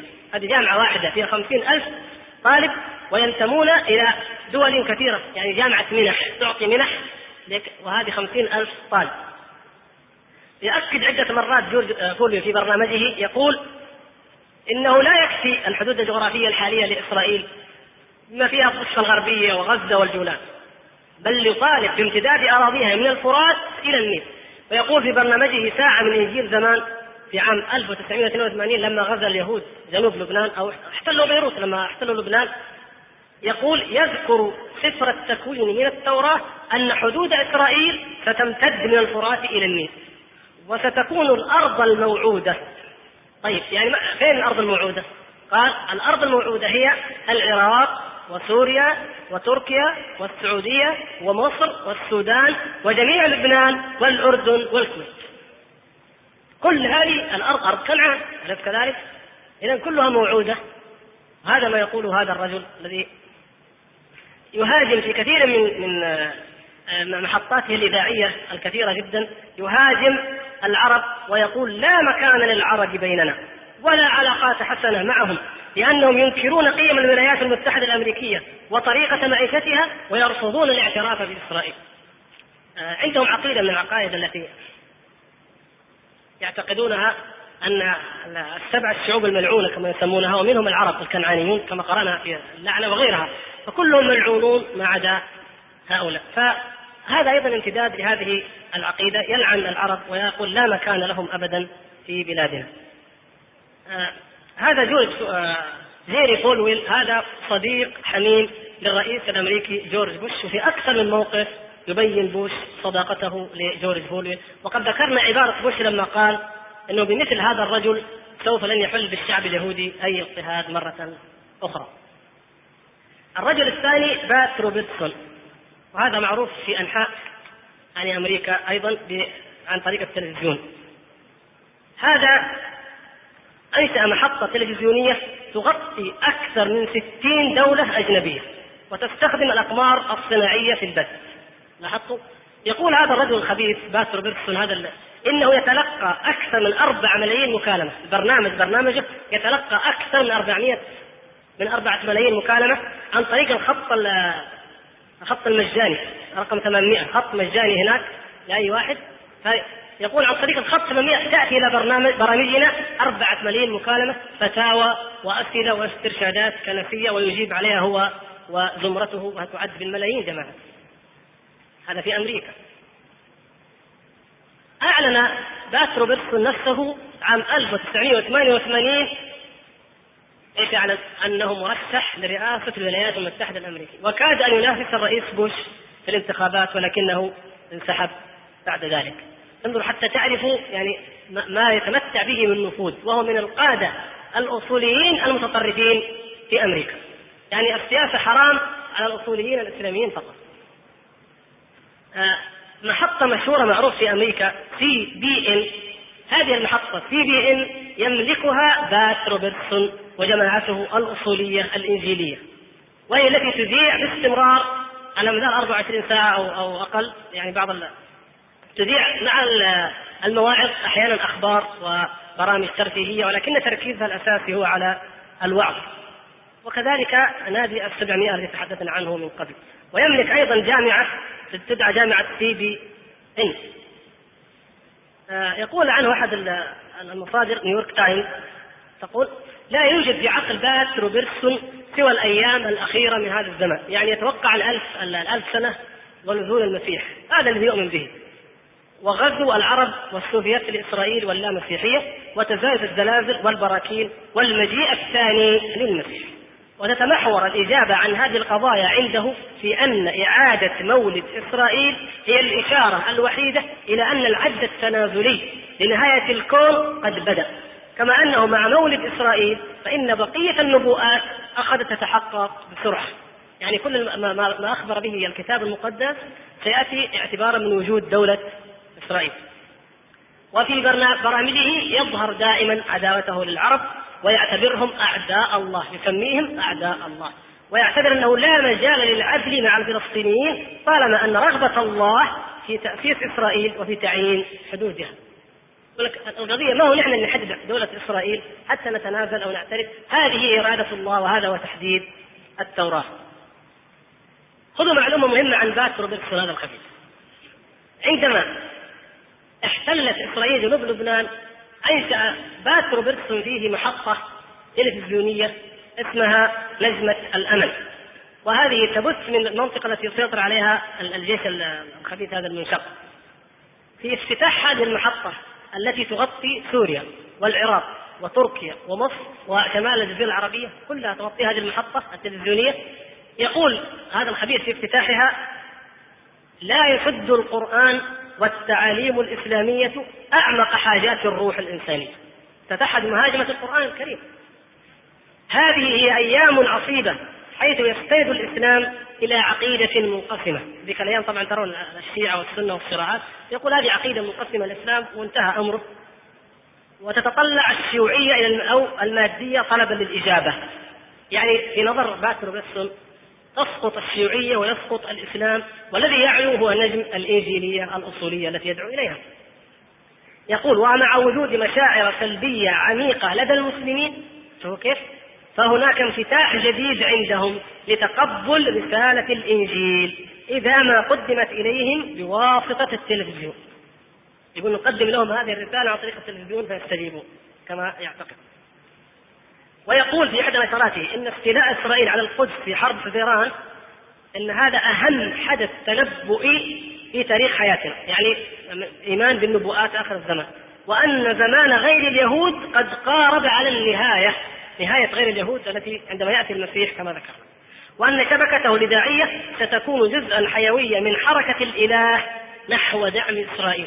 يقول المسيح ما هو جاي عام 2000 ونهاية العرب قريبة فأنا أجعل محطتي هذه بخدمة الإله إذا جاء نحو تحقيق هذه هذا الأهداف التي يريدها ولهذا يوسعها لتشمل منطقة الشرق الأوسط كلها. معلومة كذا برضو على الطريق.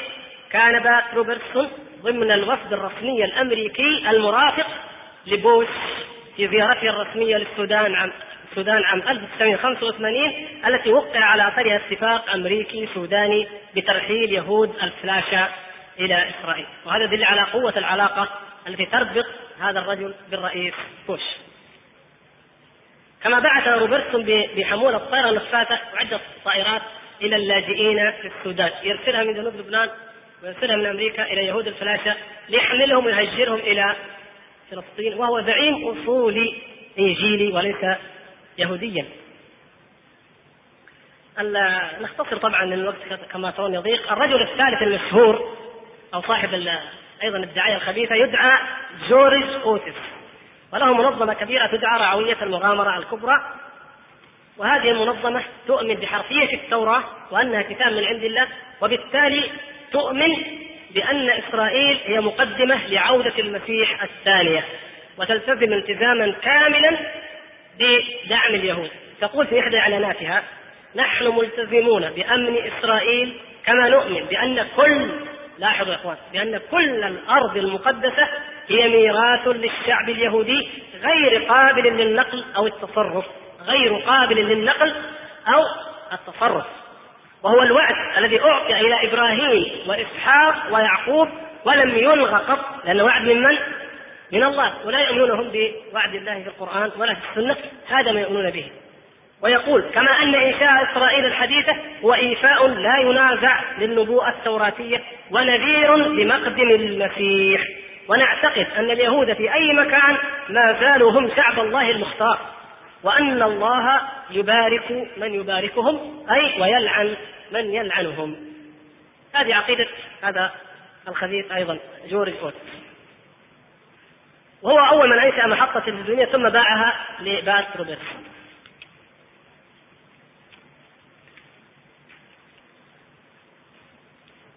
هناك شخصية أخرى وأيضا لا نطيل في ذكر الشواهد من كلامي من ضيق الوقت. هذا رجل يدعى مايك إيفنز وهو أيضا له صداقة وعلاقة حميمة بالرئيس جورج بوش. هذا مايك إيفنز من أكثر الأصوليين النصارى تطرفا و تذكر بعض الكتب أنه يهودي تنصر وبعض الكتب تقول إن أمه يهودية أما هو فهو نصراني. ما في فرق كبير ما يهمنا هذا كثيرا. المهم أنه يرى أن الولايات المتحدة الأمريكية يجب أن تسعى سعيا حثيثا من أجل إقامة إسرائيل وهذا العمل هو لوجه الله وتأييد لكلمة الله كما يرى. آه، يملك برنامج اسمه مفتاح إسرائيل مفتاح أمريكا للبقاء.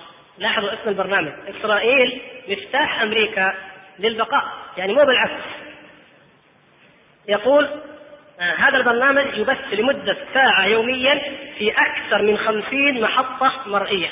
تغطي أكثر من 25 ولاية أمريكية. من الغريب الكلام هذا إيفانز يقول إن تخلي إسرائيل عن الضفة الغربية سوف يجر الدمار على إسرائيل وعلى الولايات المتحدة الأمريكية من بعدها. يبين هذا يقول لو تخلت إسرائيل عن الضفة الغربية وأعادتها إلى الفلسطينيين فإن هذا يعني التكذيب بوعد الله الذي في التوراة. وهذا سيؤدي إلى هلاك إسرائيل وهلاك أمريكا من بعدها إذا سكتت ورأتها تخالف كتاب الله وتقر على ذلك. هذا الكلام. ويناشد الشعب الأمريكي التقدم لتأييد أفضل صديق للولايات المتحدة الأمريكية وذلك بتوقيع إعلان البركة لإسرائيل لأن الرب أمره بوضوح بإنتاج هذا البرنامج الخاص بإسرائيل. يعني يقول ان البرنامج حقي هذا الذي ينشر في خمسين محطة انه الله أوحى إليه أن تذيع هذا البرنامج وتبشر الناس بأن شعبي المختار قد عاد إلى أرضه. حتى الوحي يدعونه وهذا البرنامج يشاهده عشرات الملايين من الأمريكيين والأوروبيين ومن شعوب أمريكا اللاتينية أيضا. مما جاء في هذا البرنامج من العبارات يقول عدد من القيادات الصهيونية فيه الصهيونية المسيحية لا الصهيونية اليهودية يقولون إن المسيحيين في هذه الأيام لن يخلدوا للنوم مثل ما نام العالم حينما قررت النازية الألمانية تحطيم شعب الله المختار قبل خمسة وأربعين عاما. يقول لك لا نحن الآن لن نرضى بتحطيم اليهود بل سوف نقف جبهة واحدة. آه هذه يعني أيضا إحدى الأعمال التي قام بها إيفنز بشكل مثير لأنه شعب يجيد الدعاية ويدرسها. فن إعلام ودعاية وإدارة كلها علوم يدرسونها وفنون يتقنونها. أمريكا يسمون العاصمة حقتهم واشنطن DC. يعني تمييزا لها عن واشنطن الولاية. هذه كلمة عادية جدا في أمريكا. هو إيش سوى هذا ايفنز عشان يثير الشعور الأمريكي؟ قال اورشليم DC. سماها إيش؟ القدس DC. بيانات ومنشورات تحت هذا العنوان. يقول إن لكن DC لا تشير إلى كما تشير إلى أمريكا أنها في في مقاطعة كولومبيا لا. DC عند ايفنز يعني مدينة داوود عاصمة داوود أورشليم عاصمة داوود. فكل أمريكي يسمع أورشليم DC يتصور في ذهنه أن أورشليم فعلا القدس هي عاصمة داوود. هكذا يعني استغل هذه المشاعر. فيقول في بيان القدس دي, دي, سي هي عاصمة داوود آه، إلى رئيس الولايات المتحدة الأمريكية ورئيس وزراء إسرائيل. وجه هذا البيان. نحن نؤمن بأن القدس تخص الله القدير. القدس يعني لا تعنيك أنت وحدك. لا تتنازل عنها يا, يا رئيس أمريكا أو يا رئيس إسرائيل. لا. إنها لله. يقول وإن كلمة الله غير قابلة للتفاوض. لا نقاش فيها. ونحن نؤمن علاوة على ذلك بأن الكتب المقدسة تعترف بالقدس عاصمة روحية لإسرائيل وبأن المسيح اليهودي سيعود إليها كذلك. المسيح اليهودي سيعود إليها. من هو مسيح اليهود؟ اليهود مسيحهم من؟ الدجال. وهذا ما ذكره شيخ الإسلام ابن تيمية رحمه الله في مواضع. هم ينتظرونه لأنه منهم والأدلة على ذلك موجودة ولا يعني نطيل فيها. بل حقيقة موضوع الدجال يستحق أن يكون محاضرة وحده أو موضوعات علمية لوحده لأهمية هذا الموضوع بالذات في هذه الأيام لأن الحديث عنه كثر جدا. حيث بدأ النصارى يقولون أنه قد يأتي المسيح عام 2000 فلا بد أن يعرف الناس حقيقة المسيح الدجال وحقيقة أيضا الإيمان بالمسيح عيسى عليه السلام. فيقول المسيح اليهودي سيأتي. ومن أجل هذا قد تعاهدنا على الصلاة من أجل شعب إسرائيل والوقوف معه في كفاحه من أجل الحرية والسلام. يقول نحن نؤمن بكلمة الله حينما تقول سوف أبارك من يباركهم وألعن من يلعنهم نحن نؤمن بأنه يتوجب على أمريكا الوقوف بجانب إسرائيل وكلمة الله تعترف بالقدس وعلينا واجب الاعتراف بكلمة الله. هذا البيان القدس DC وزعه ايفانز على عدد من الأمريكان ووصل الذين وقعوا عليه كما ذكره على اي حال إلى مليون أمريكي. وأرسلوا هذه التوقيعات إلى رئيس أمريكا وإلى رئيس وزراء إسرائيل. كلهم يوقعوا على هذا البيان بالإيمان. خلوا خلوا بدل مليون خلوا مئة ألف. يعني خلوا مئة ألف وقعوا على هذا البيان. فرضا من الأمريكيين يؤمنون بالمسيح اليهودي وأن أرض إسرائيل لا يجوز التفاوض على شبر منها لأنها ليست ملكا لك يا رئيس أمريكا ولرئيس إسرائيل حتى تتنازلوا عن شيء منها. أيضا نقفز إلى جماعة سياسية أصولية دينية من الضروري جدا أن نعرف عنها شيئا وهي جماعة أصولية إنجيلية أيضا. إنجيلية تؤمن بحرفية الإنجيل والتوراة وتعطي اليهود الوعد الذي يعتقدونه الوعد المفترى على الله تبارك وتعالى. هذه الجماعة تسمى السفارة المسيحية الدولية. هكذا سمت نفسها. وتعتقد هذه الجماعة أنه من الواضح أن الله وحده هو الذي أنشأ هذه السفارة المسيحية الدولية. ومقر هذه السفارة في القدس أيضا مقرها في القدس وتنتشر فروعها في جميع أنحاء العالم. يقول مؤسس هذه السفارة إننا صهاينة أكثر من الإسرائيليين أنفسهم. شوف كيف كلام الخبيث وهو كذلك كما سنرى. وإن القدس هي المدينة الوحيدة التي تحظى باهتمام الله وإن الله قد أعطى هذه الأرض لإسرائيل إلى الأبد. ويقول هذه المنظمة تؤمن بأنه إذا لم تبقى إسرائيل فإنه لا مكان للمسيح عند مجيئه الثاني. ولا تكفي هذه المنظمة بدعمها بوجود إسرائيل بل تدعم أيضا سياستها التوسعية وتعتبر الضفة الغربية وغزة حقوقا أعطاها الرب للشعب اليهودي. آه، كان لها سبعة أهداف. لاحظوا خبث اليهود يا أخوان. هذه المنظمة من أكبر وأخطر المنظمات في أمريكا والعالم.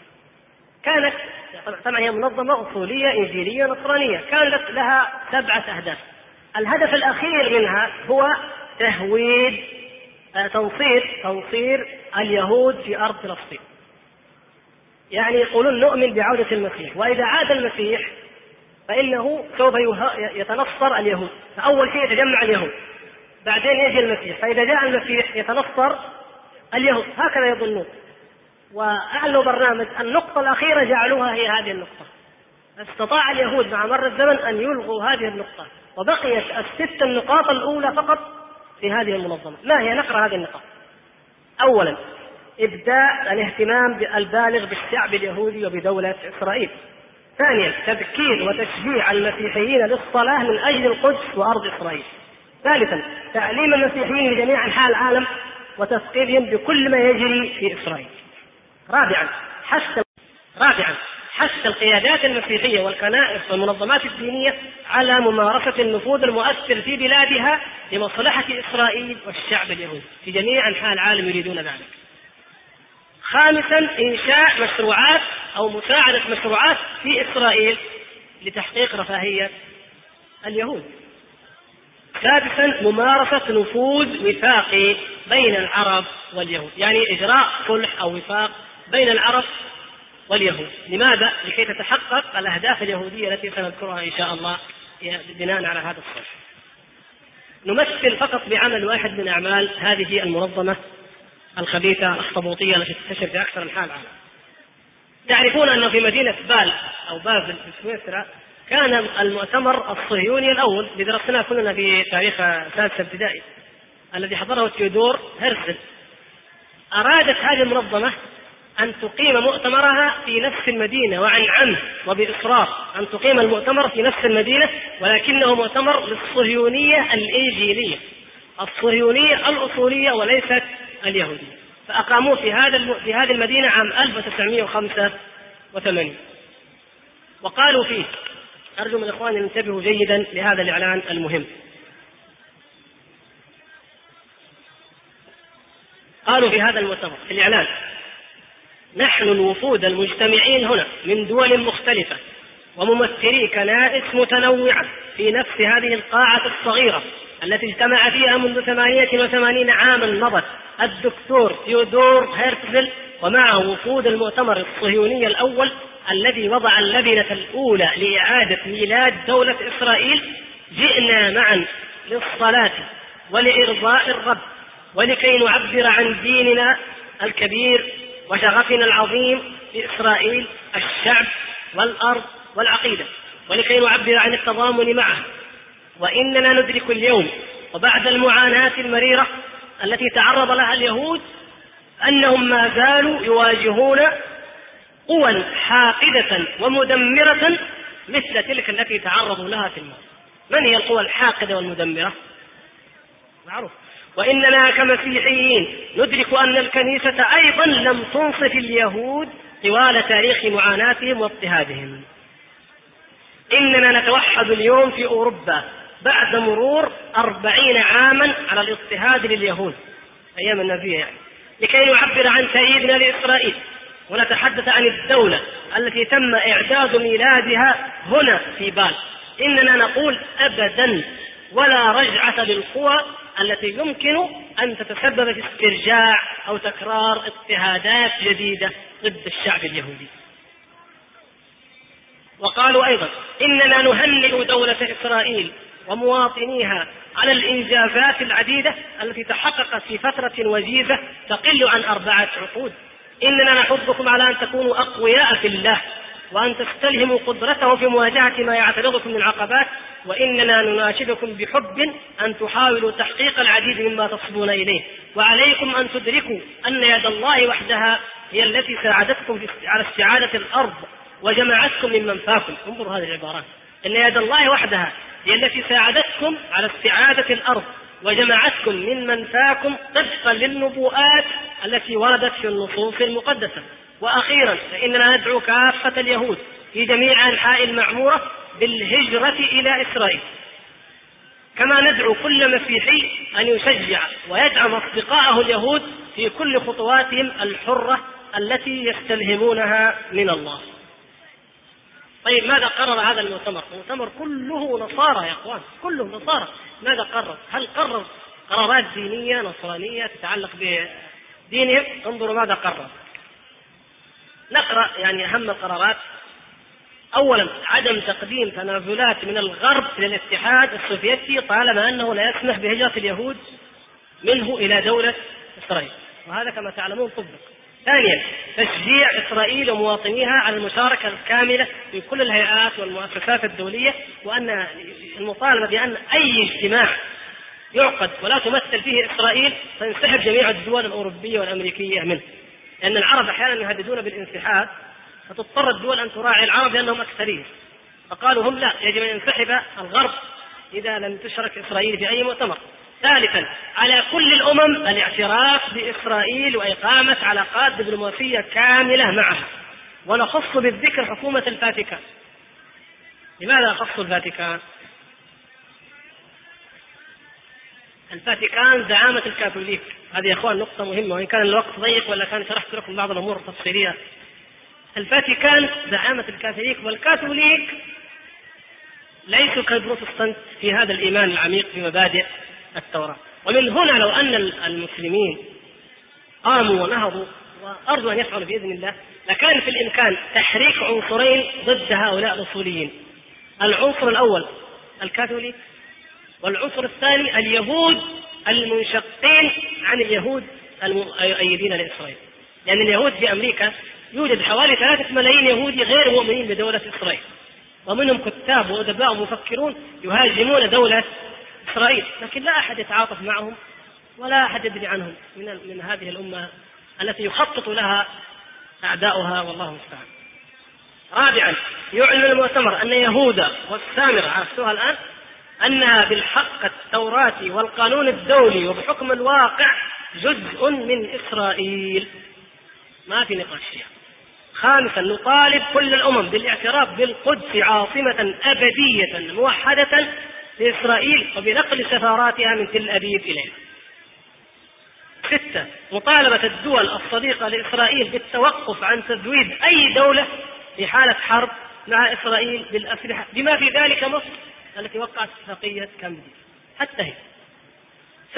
سابعا مطالبة كل الحكومات بنبذ منظمة التحرير الفلسطينية. هي تستاهل.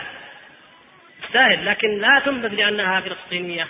يعتبرون أنها إسلامية وثنية جزء من الوثنيين. واعتبارها منظمات منظمة إرهابية. يقول وتأتي هذه المطالبة تنفيذا لما ورد في التوراة حول أن الله يبارك من يبارك اليهود ويلعن من يلعنه انظروا كيف. ثمانية. إزالة كل أشكال معاداة السامية وهي أعداء إسرائيل واليهود. تاسعا الدعوة لتذكر كل الفظائع التي ارتكبتها ما تسمى الحضارة المسيحية. ومن يسمون المسيحيين؟ شوفوا كيف.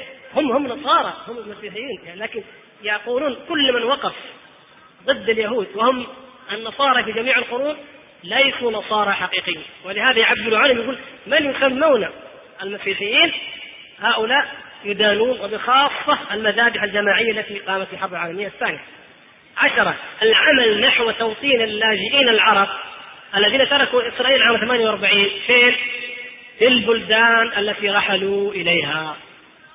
تنتهي قضيتهم. يسكنوا في البلد اللي هم فيه. 11 مساعدة إسرائيل اقتصاديا وذلك بإنشاء صندوق دولي برأس مال قدره 100 مليون دولار للاستثمار في تطويرها. بالفعل ما انتهى المؤتمر إلا وجمع 100 مليون دولار غير المساعدات الهائلة التي تأتي لليهود هذا فقط في هذا المؤتمر 100 مليون دولار وضعت للاستثمار في إسرائيل. 12 آه، لو ضمن ذلك يقول تشجيع الاستثمار الخاص في داخل. 12 مطالبة كل المسيحيين وكل الأمم بعدم الخضوع لأنظمة المقاطعة العربية لإسرائيل. الآن المقاطعة وكل شيء سينتهي ويرتاحوا من هذه المشكلة التي ما كانت إلا شكلية في أكثر نقطة 13 دعوة مجلس الكنائس العالمي في جنيف إلى الاعتراف بالصلة التوراتية التي تربط بين الشعب اليهودي وبين أرضه الموعودة وكذلك بالبعد التوراتي والنبوء لدولة إسرائيل. أنها عقيدة أن وجودها عقيدة إيمانية يجب على مجلس الكنائس أن يعترف بها. أربعة عشر. يصلي أعضاء المؤتمر وينظرون بلهفة لليوم الذي تصبح فيه القدس مركزا لاهتمام الإنسانية حينما تصير مملكة الرب حقيقة واقعة. مملكة الرب النصارى يفهموها على أنهم يعنون مملكة المسيح عيسى عليه السلام بناء على ما عندهم. لكن اليهود يفهمون المراد أنها مملكة من؟ مملكة المسيح الدجال. أيها الإخوة موضوعات الحقيقة والفقرات كثيرة لكن أحب أن أقول إن الذين يؤمنون بهذا الوعد التوراتي هم يؤمنون بالمسيح الدجال. وبالتالي كل من يعتقد أو يوافق على مشروع لبقاء إسرائيل آمنة مطمئنة فإنه شاء أم أبى علم أو لم يعلم هو يعمل لهدف إنشاء مملكة الدجال هذه. ويسعى لتحقيق النبوءة التوراتية التي يدعيها هؤلاء وإنه يخدم راضيا أو غير راض يعلم أو لا يعلم. هذه الأهداف الصهيونية التي يؤمن بها هؤلاء الأصوليون مع أولئك اليهود. آه لعلنا نختم هذا اللقاء بموقف كثير منكم قد يسأله ما هو موقف الأصوليين من السلام الذي كان في مدريد رغم ضآلة المعلومات التي عندنا أو سيكون. الموقف طبعا قديم لأننا أخذناه من موقفهم من مؤتمر جنيف. أحب أن أقول إذا كنا نحن الذين يسمينا الأمريكان وأذنابهم الأصوليين الإسلاميين نرفض الاعتراف بدولة إسرائيل وبحدودها الآمنة ونرفض مقررات مدريد وغير مدريد فإن الأصوليين النصارى أيضا يشاركوننا في الرفض. يعني نقطة الالتقاء أن الأصوليين هنا وهنا يرفضون. لماذا؟ لأننا نؤمن بوعد من الله وهم يؤمنون بوعد مفترى مكذوب على الله تبارك وتعالى والوعدان لا يجتمعان أبدا. لكن والحمد لله نحن نستند في الوعد الحق إلى كلام الله وكلام رسوله صلى الله عليه وسلم. ولعلي هنا أشير إلى بعض بشائر هذا الوعد الحق ثم أنتقل إلى إتمام الكلام عن هؤلاء. نحن في كل ركعة من صلاتنا والحمد لله نقرأ الفاتحة ونقرأ فيها قول الله تبارك وتعالى اهدنا الصراط المستقيم صراط الذين أنعمت عليهم غير المغضوب عليهم ولا الضالين. من هو المغضوب عليهم؟ اليهود. والضالون؟ النصارى. إذا فنحن في كل ركعة نقرأ أن الوعد الذي يزعمه هؤلاء منسوخ وباطل ومفترى. وأن أنه إذا كان إبراهيم عليه السلام أعطي وعدا فإن هذا الوعد ووعد الله تبارك وتعالى لهذه الأمة. الأمة التي يباركها الله كثيرا ويكثر عددها وتدخل بجميع الشعوب والقبائل كما ذكرت التوراة ليست إلا أمة محمد صلى الله عليه وسلم. إن العرب من ذرية إسماعيل عليه السلام كما تعلمون وقد دخلوا بجميع الشعوب. تجد العرب الآن في جاوة تجد بين الهنود بين الأفغان عرب. بين الأتراك عرب في أوروبا أصول عربية في بين البربر في الحبشة في كل مكان هذا هو الشعب الذي دخل بجميع الشعوب وهذا هو الشعب الذي باركه الله وكثره الله تبارك وتعالى ولنسله يعطي هذه الأرض. نحن نؤمن يعني هم نسل إبراهيم ولهم يعطي الله هذه الأرض وهذا الوعد الأبدي. أما اليهود فوعد الله تبارك وتعالى عندنا في القرآن واضح. وإذ تأذن ربك ليبعثن عليهم إلى يوم القيامة من يسومهم سوء العذاب. إن ربك لسريع العقاب وإن ربك لغفور رحيم. وهذا وعد والله لن يخلفه الله. والذين يوافقون على ما جاء في مدريد أو غيره هم يقفون ضد هذه الآية. وعد الله تبارك وتعالى ليبعثن عليهم إلى يوم القيامة من يسومهم سوء العذاب. هتلر جزء منه. المنظمات منظمات التحرير جزء منه. الجهاد القائم الآن في الأرض المحتله جزء منه وسوف تنتهي هذه كلها بتدمير اليهود. كما قال أيضا تعالى ضربت عليهم الذلة أينما تقفوا إلا بحبل من الله وحبل من الناس وباءوا بغضب من الله وضربت عليهم المسكنه لاحظوا يا اخوان يعني مضروب عليهم الذل مغضوب عليهم حالات عارضة إلا بحبل من الله وحبل من الناس.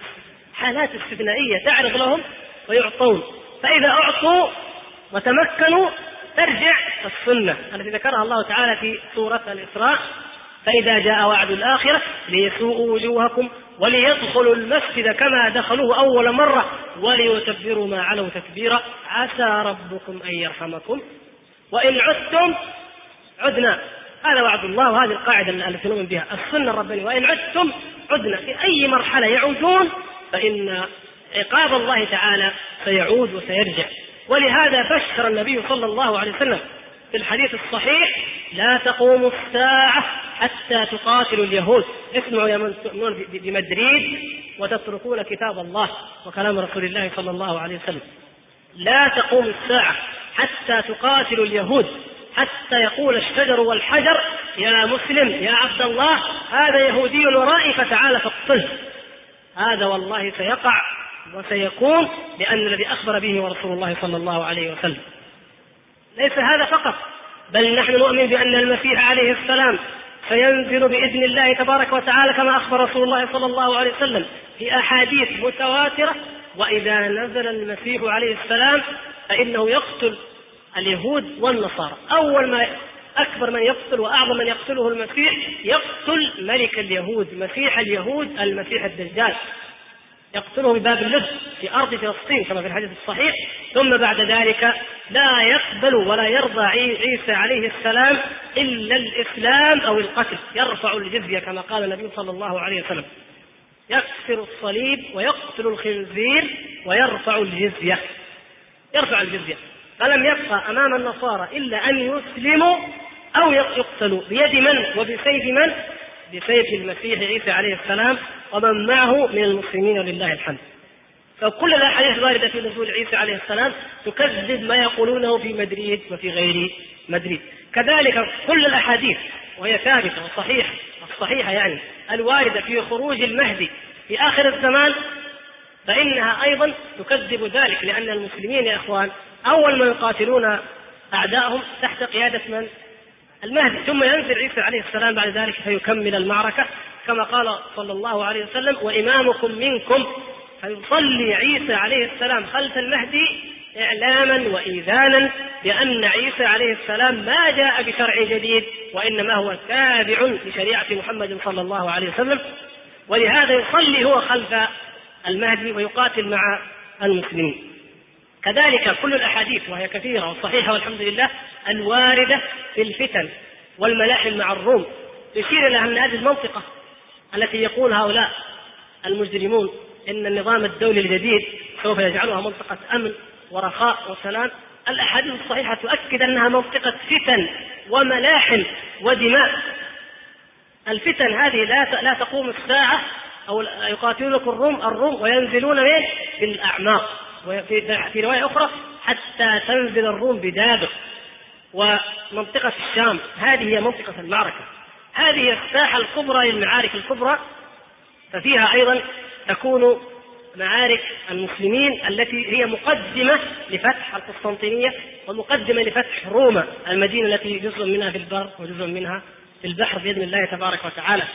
فكل الأحاديث التي وردت في فضائل الشام في فضل بلاد الشام وذكرها شيخ الإسلام رحمه الله وعلق عليها كثيرا ووردت في أن بلاد الشام تكون في آخر الزمان هي معقل الإسلام ومعقل هذه الأمة وأن المسلمين يقاتلون الروم فيها كلها وهي كثيرة.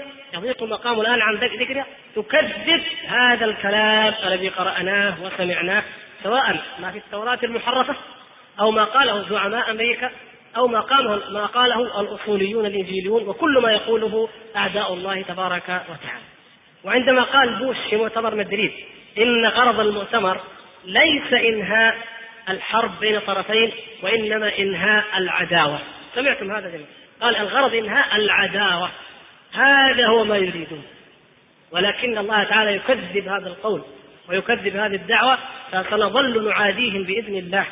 لابد ولو وإن وإن تتولوا يستبدل قوما غيركم ثم لا يكونوا أمثالكم.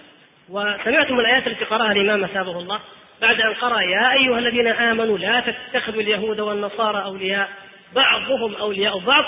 ماذا نسمع في الآية بعد التي تليها؟ قال يا أيها الذين آمنوا من يرتد منكم عن دينه فسوف يأتي الله بقوم يحبهم ويحبونه. أذلة على المؤمنين أعزة على الكافرين. يجاهدون في سبيل الله ولا يخافون لومة لائم. إذا تركنا الجهاد في هذه المرحلة وآمنا بأن العداوة قد انتهت فنحن ينطبق علينا الارتداد عما أمر الله تبارك وتعالى به ويأتي الله بقوم آخرين هذه هي صفاتهم وهذه هي أحوالهم. أقول هذا وعد نحن بناء على هذا الوعد وكما قرأ في الركعة الثانية وعد الله وعد الله الذين آمنوا منكم وعملوا الصالحات ليستخلفنهم في الأرض. هذا وعد من الله تبارك وتعالى بالاستخلاف. وقد ذكر الله تبارك وتعالى أيضا ولقد كتبنا في الزبور من بعد الذكر أن الأرض يرثها عبادي الصالحون. وغير ذلك من البشائر بأن هذا الدين يبلغ ما بلغ الليل والنهار. بشائر كثيرة كلها تؤكد الوعد الحق. وتدحض وتدمغ الوعد الباطل بل نقذف بالحق على الباطل فيدمغه فإذا هو ذاهب. أقول مع ذلك اسمعوا ماذا يقول دعاة الإنجيلية الأصولية الإنجيلية. يقولون آه يقول هذا الخبيث بات روبرتسون كنت أتمنى أن أستطيع القول إننا سنحصل على السلام ولكني أؤمن بأن هرمجدون مقبلة المعركة النهائية مقبلة. إن هرمجدون قادمة وسيخاض غمارها في وادي مجيدون. إنها قائمة. إنهم يستطيعون أن يوقعوا على اتفاقيات السلام التي يريدون. إن ذلك لن يحقق شيئا. هناك أيام سوداء قائمة. يقول مهما وقعوا مهما وقعوا المعركة النهائية قادمة. ولا تنفع هذه التوقيعات ولا هذه المؤتمرات. إذا لاحظتم كيف نتشابه معهم في الموقف؟ نحن نقول مهما وقعوا فالمعركة قادمة. هم يقولون مهما وقعوا فالمعركة قادمة. إذا سنرى من هو صاحب الوعد الحق ومن هو صاحب الوعد المفترى. ويقول جيري بولو إلى الخبيث الآخر ذكرنا إن النوايا السلمية هي أعمال غبية. كل الأعمال السلمية التي تقوم بها أمريكا وغير أعمال غبية لأنها ضد الكتاب المقدس. ويقول إنه لا يحق لإسرائيل أن تتنازل عن شيء من الأرض فلسطين لانها أرض التوراة التي وعد الله بها شعبه.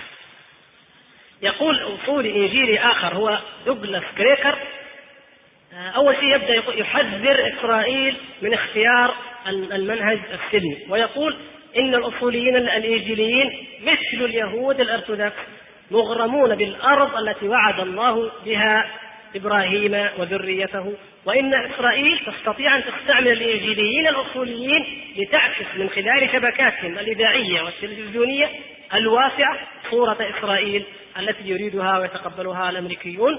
وذلك من خلال نشر فكرة إن الله يريد إسرائيل عسكرية ومسلحة وإنه كلما أصبحت إسرائيل عسكرية أكثر فإن اليمين الديني في الولايات المتحدة يؤيدها أكثر ويصبح متعلقا بها أكثر. يعني يقول ترى كلما كلما ترفضون السلام يا يهود نحن نحبكم. اليمين الديني أو الانجيليين في أمريكا يحبون إسرائيل بقدر ما ترفض السلام. اذا هم رافضين له بطبيعة الحال. ويقول جيم روبنسون وهو إنجيلي أصولي ومتمكن جدا في الحكومة الأمريكية حتى أن الحزب الجمهوري دعاه ريغان ليفتتح احتفال هذا الحزب بصلاه كما يزعمون. يقول لن يكون هناك سلام حتى يعود المسيح. كل الكلام هذا يقول ما ينفع. نحن نوافق على هذه العبارة ولا لا؟ العبارة صحيحة. لن يكون هناك سلام حتى يعود المسيح. لكن هم لهم معنى آخر طبعا يقول إن أي تبشير بالسلام قبل هذه العودة هرطقة. هرطقة عندهم يعني إيش؟ زندقة يعني كفر بآيات الله. من من يقر السلام قبل نزول المسيح هذا يكفر بآيات الله. في نظره يقول إنه ضد كلمة الله. إنه ضد المسيح. كل من يؤمن بالسلام فهو ضد كلمة الله. ضد المسيح. وعلى هذا تؤكد مؤلفة كتاب الأصولية الأصوليين الإنجيليين العسكريين تقول إن الأربعين مليون إنجيلي أصولي يؤمنون بقوة أن الله نفسه يريد أن تحصل إسرائيل على أي جزء من الأراضي العربية وعلى كل الأراضي العربية التي تتمكن من مصادرتها وأنهم يعتقدون كما يقولون إننا نحن المسيحيين نؤخر وصول المسيح من خلال عدم مساعدة اليهود على مصادرة مزيد من الأراضي المحتلة لاحظتوا كيف؟ كل ما كل ما نعطي إسرائيل فرصة أن لا أو نقول لإسرائيل لا تبني مستوطنات فنحن نؤخر مجيء المسيح لاحظوا. ولهذا في أيام المؤتمر وبعد أيام المؤتمر وإلى أمس يفتتحون أو اليوم يستفتحون أو يفتتحون مستوطنات جديدة في الضفة وفي الجولان. وهؤلاء من ورائهم في أمريكا يقولون انتبهوا ترى أي واحد يقول لا فهو يؤخر قدوم المسيح. إذا لابد أن يأتي اليهود وأن يتجمع اليهود. أحد يعني الزعماء الإنجيليين آه، يقول لاسرائيل لا تصدقي كلام أي واحد يقول لك القانون الدولي وقرارات الأمم المتحدة. وجه نداء إلى اليهود يقول فيه إنه لا يجوز أن يبقى اليهود أوفياء لهذه المبادئ البراقة القوانين الدولية إذ أنه على إسرائيل أن تكسر من وقت لآخر القوانين الدولية وأن تقرر لنفسها هي ما هو قانوني وما هو أخلاقي. وذلك على قاعدة واحدة هي ما هو جيد لليهود وما هو في مصلحة اليهود. ما كان جيد لليهود أخلاقي قانوني شرعي.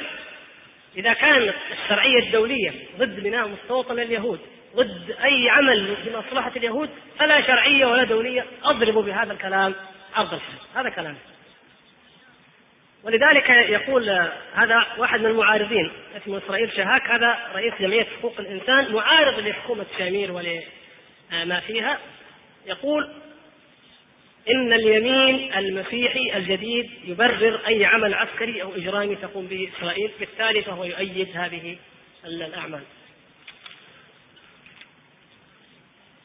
بقيت قضية مهمة لابد أن نأتي عليها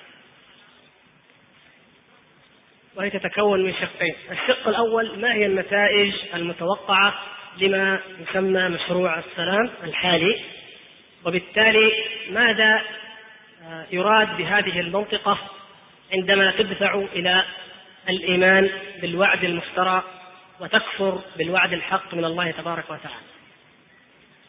أقول لإخواني الكرام إن الأهداف كثيرة والنتائج خطيرة. وأرجو أن لا تستغرقنا جزئيات وتفاصيل الأحداث فننسى هذه الأهداف البعيدة. وأرجو أن لا تعتبروا ما سأقوله لكم أنه كل الأهداف فهناك ما هو أكثر من ذلك وإنما هي إشارات جمعت من خلال الوقائع والبيانات التي آه، يصدرها هؤلاء في كتبهم قديما وحديثا. أولا هذه الدعوة وسمعتم ماذا قال ماذا قرر مجلس الأمن القومي الأمريكي. العراق دمر وسوف تكون الخطوة التالية تدمير الجيش السوري. ليس خوفا من حافظ الأسد والعصابة النصيرية فإنهم لم يكونوا يخافون أيضا من العصابة البعثية في بغداد. ولكن لأن الجيش السوري لديه قوة ولديه نوع من التدريب ولديه شيء من الممارسة والخبرة فقد يشكل خطرا ما على اليهود فيما لو سقطت هذه الحكومة وقامت حركة إسلامية وأعلنت الجهاد وانضم إليها جيش مدرب ومجهز وشارك في بعض حروب وشارك في لبنان فلديه نوع من الخبرة العسكرية. فلا بد من تدمير الجيش البعثي السوري وعندها يقول البعثيون في سوريا أكلت يوم أكل الثور الأبيض. رابعا إخضاع المنطقة للرهبة اليهودية العسكرية وفرض الحماية الأمريكية على المنطقة. ومنع كما أعلنوا منع تطوير أي جيش من جيوش المنطقة وإنما يراد بقاء الجيوش للمحافظة على الأمن الداخلي فقط. لأنه في ظل النظام الدولي الجديد ما الحاجة إلى أن تطور جيشا؟ أتريد أن تستخدمه في العدوان كما فعل صدام لا. إذا ماذا تريد؟ تريد الأمن والحدود؟ النظام الدولي يكفل لك الأمن والحدود. تريد الأمن الداخلي؟ نعم. ان تكون قوات فقط للأمن الداخلي؟ ولا تفكر في أي حالة عداء مع الجيران. هذا هو الهدف الذي من أجله خططوا لسيناريو حرب الخليج واحتلال الكويت وبثوا وأفصلوا حتى أصبح قاعدة راسخة عند شعوب المنطقة. خامسا هو خطير جدا تغيير المناهج الإعلامية والتعليمية لمحو كل ما يثير العداء نحو اليهود. وهذا أعلنه شامير في المؤتمر قال لابد من تغيير ثقافاتكم. لابد من تغيير ثقافتكم العدائية نحو اليهود. المناهج الإعلامية والتعليمية كل شيء. يعني العدو الإسرائيلي ما عاد نسمعه. دويلة الكيانات الكيان الصهيوني انتهت. العصابات انتهت. الآن دولة ولها حق العيش وعاصمتها يعني القدس وكل شيء سيتم ولو على مراحل. فتنتهي كل الشعارات. ينتهي حتى كل ما يثير العداء دينيا. وقد عمل بهذا في مصر. غيرت المناهج تغييرا فظيعا جدا. حذفت آه، معارك اليهود مع النبي صلى الله عليه وسلم. حذفت الإشارات إلى عداوات النبي صلى الله عليه وسلم من مناهج التعليم. حذفت كل الدلائل التي تؤدي ولو بالاستشمام إلى أن اليهود أعداء للمسلمين. حتى بعض الشيوخ الذين علاقتهم حسنة بالأنظمة وباركوا خطواتها باركوا خطوات السادات. يعني ما عندهم أي اعتراض. المساله عندهم يعني عاديه جدا. لما جاءوا في تفسيرهم إلى آيات اليهود يحذفونها. لو تتبعتم تفاسيرهم التلفزيون يفسرون الآيات فإذا جاء إلى آيات فيها اليهود يقطعونها وينتقلون إلى ما بعدها. هذا هو الذي يريدون أن يكون والعياذ بالله في المنطقة عموما. وكذلك في مناهج التعليم تغير كل القضية التي وإن كانت مع الأسف كانت تدرس درست لنا قضية قومية العرب واليهود. وعد بالفور مؤتمر سان ريمو مؤتمر انشاص كل الكلام الفاضي اللي قريناه ما في شيء إسلامي ابدا.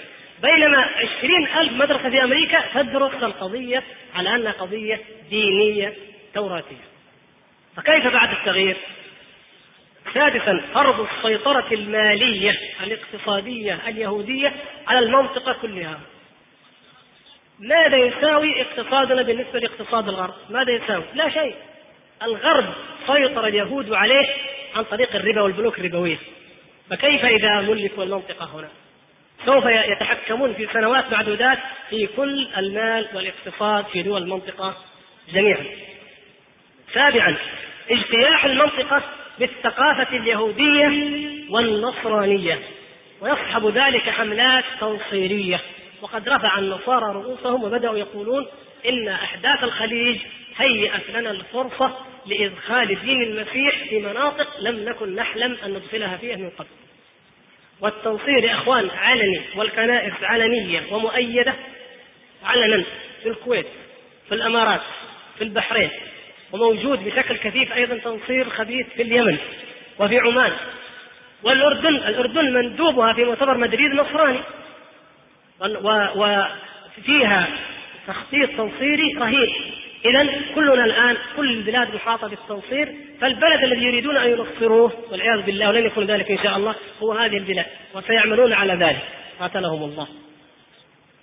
كما أننا نتوقع حملات تشويه ضد الإسلام تشويه الإسلام في كل المستويات لأنهم يملكون هذا الإعلام الضخم الهائل وسوف تعينهم الصحافة العربية وسائل الإعلام العربية تعينهم على هذا الهدف عن طريق تشويه الدعاء وتشويه التاريخ الإسلامي، كل هذا وارد ومتوقع وإن كان قد يأتي بنوع من البطء.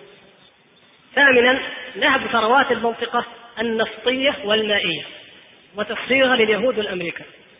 أما النفط فقد انتهوا منه تقريبا، يعني هم قالوا لابد من حربين، حرب النفط والثانية حرب المياه، حرب النفط انتهوا منها. الحرب الأخرى حرب المياه يريدون أن ينتزعوا مياه الفرات ومياه العاصي ومياه الليطاني ومياه نهر الأردن وحتى النيل يمدوه بشبكات مائية يمدونها من تحت القناة سيسحبون النيل سحبا إلى أرض فلسطين. وحتى المياه الجوفية في شمال المملكة شمال الجزيرة يريدون أيضا أن يسحبوها إلى داخل أرض فلسطين لبناء المستوطنات. ولذلك يقولون إن الحرب القادمة قد تكون حرب مياه. قد تفتعل معركة أو خلاف بين تركيا وبين سوريا مثلا. والعراق وهكذا تدخل القضية فيضطر الأمريكان للتدخل عسكريا فتنحل مشكلة الجيش السوري من جهة ومشكلة المياه من جهة أخرى لأن تركيا عضو في حلف الناتو واليوم هذا الآن يجتمعون آه، الغرب يجتمعوا أمس واليوم من أجل أن يضموا دول شرقية كثيرة إلى حلف الناتو لتطويره وتقويته ضد من يتقوون؟ اليوم بوش في لاهاي من أجل هذا المطلب لمن؟ ضد من تتقوون؟ وقد انتهى المعسكر الشرقي يريدون ضم دول المعسكر الشرقي إلى الغرب لمقاومة العدو المشترك الذي لن يكون بطبيعة الحال إلا نحن. والحرب المائية كثير ما قيل إنها قادمة. تاسعا إفساد المنطقة أخلاقيا. وهكذا طبع اليهود إذا دخلوا في أي بلد. عن طريق السياحة والآثار سوف يفسدون المنطقة كلها يعني دول المنطقة جميعا بالمخدرات وبالدعارة بالافلام القذرة المجلات القذرة كل قذارة اليهود سوف يعممونها في المنطقة.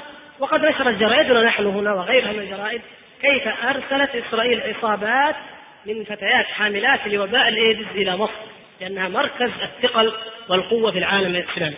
فسوف يعمم هذا على جميع البلاد والعياذ بالله. عاشرا سوف يفتح الباب لغزو الجاسوسية اليهودية لأماكن ما كانت تحلم بها من قبل. وهذا هدف مهم جدا لأن إسرائيل تخطط بمقدار ما تتجسس على المنطقة وتعرف حقائقها فسوف يصلون إلى معرفة دقيقة عن الصحوة الإسلامية عن أعدائهم الحقيقيين الحقيقيين عن حالة الجيوش. إن كان قد لا يخفى عليهم شيء لكن زيادة في الفن في الاستخباراتي الذي يريده الإسرائيليون. هناك أيضا شيء متوقع أن يقع وهو اكتشاف الآثار اليهودية القديمة. عندهم أضرب لكم مثال على ذلك. تذكرون الدكتور هذا الصليب الخبيث اللي طلع في لبنان؟ الذي يقول إن الأرض التي خرج منها اليهود ليست مصر وإنما هي جنوب المملكة العربية السعودية. وجاب قرى ومناطق حول أبها وقال تنطبق أسماء التوراة على هذه القرى. ودخل يعني كلام عجيب رد عليه حمد الجاسر وغيره وكذا. المهم عندهم شعور بأن هذه الأرض القديمة. الملك الذي حفر الأخاديد أصحاب الأخدود كان يهوديا أيضا. إذا هناك لهم آثار كما يزعمون. آه خيبر المدينة مهد الذهب. يقول أنه منجم. سليمان عليه السلام كان يأخذ الذهب من مهد الذهب وغيرها. اذا كل هذه المناطق سيقولون آثارنا سنبحث عنها ونحييها وننقب عنها. وهذا تمهيد للقول بأن هذه الأرض هي أرضنا. قاتلهم الله أن ينفكون. هذا بعض بعض أو غيض من فيض مما يتوقع أن تقدم عليه المنطقة. نسال الله تعالى أن يرحمها وأن يقينا أن يقينا شرور هؤلاء المجرمين. بقي أن نختم بماذا يجب علينا. بعد أن رأينا وعد الله تبارك وتعالى الحق وعلمنا أن ما يدعيه الآخرون هو وعد كاذب مزيف وعرفنا بإجمال شديد ماذا يريد الأعداء من هذه المشروعات. اذا بقي ماذا يجب علينا أن نعمل؟ وأعتذر اليكم أنني يعني وضعت بعض النقاط على عجل وبدهية وأعترف لكم أن أي واحد منكم في إمكانه إن شاء الله أن يضع مثلها وأفضل منها لأننا نعيش واقع الدعوة على ما فيه من ضعف ولكنه يحدون الأمل والثقة في الله تبارك وتعالى. وقد رأيت بعض هذه الحلول التي يمكن للدعوة الإسلامية أن تتخذها وهي موضع نقاش وشورى كما قال الله تعالى وأمرهم شورى بينهم. اولا نشر الوعي العقدي في الأمة خاصه أن ننشر العقيدة الصحيحة على الأمة في جميع مستوياتها المثقفين والعامة في جميع الطبقات الاجتماعية. ولا سيما عقيدة الولاء والبراء. ونعلن إسلامية المعركة بكل قوة. مؤتمر مدريد مثلا هذا المؤتمر كغيره من المؤتمرات لم يمثل فيه الإسلام. لم يقل فيه قال الله ولا قال رسول الله ولا لم يقل فيه ان القدس أرض إسلامية، اذا هذه هذه قضيتنا الأساسية نحن. لا ننظر إلى إلى إلى إلى الجدل العقيم في النتائج والتوقعات، ننظر إلى أساس القضية، القضية إسلامية دينية لا تخص الفلسطينيين ولا العرب ولا حتى المسلمين المعاصرين اليوم بل هي قضية إسلامية تهم كل المسلمين إلى قيام الساعة. هكذا يجب أن نعلن المعركة والقضية بوضوح. ثانيا إحياء رسالة المسجد. لماذا؟ هو جزء من الأول لمقاومة هذا التيار الإعلامي والثقافي الجارف نحن ما عندنا إلا المسجد. والحمد لله أن تأثيره كبير ويجب أن نستفيد منه فنقاوم هذا الغزو عن طريق الأقمار الصناعية وغيره بهذا الذي في أيدينا ونملكه. والله تعالى يبارك في الجهد القليل ويجعله كثيرا.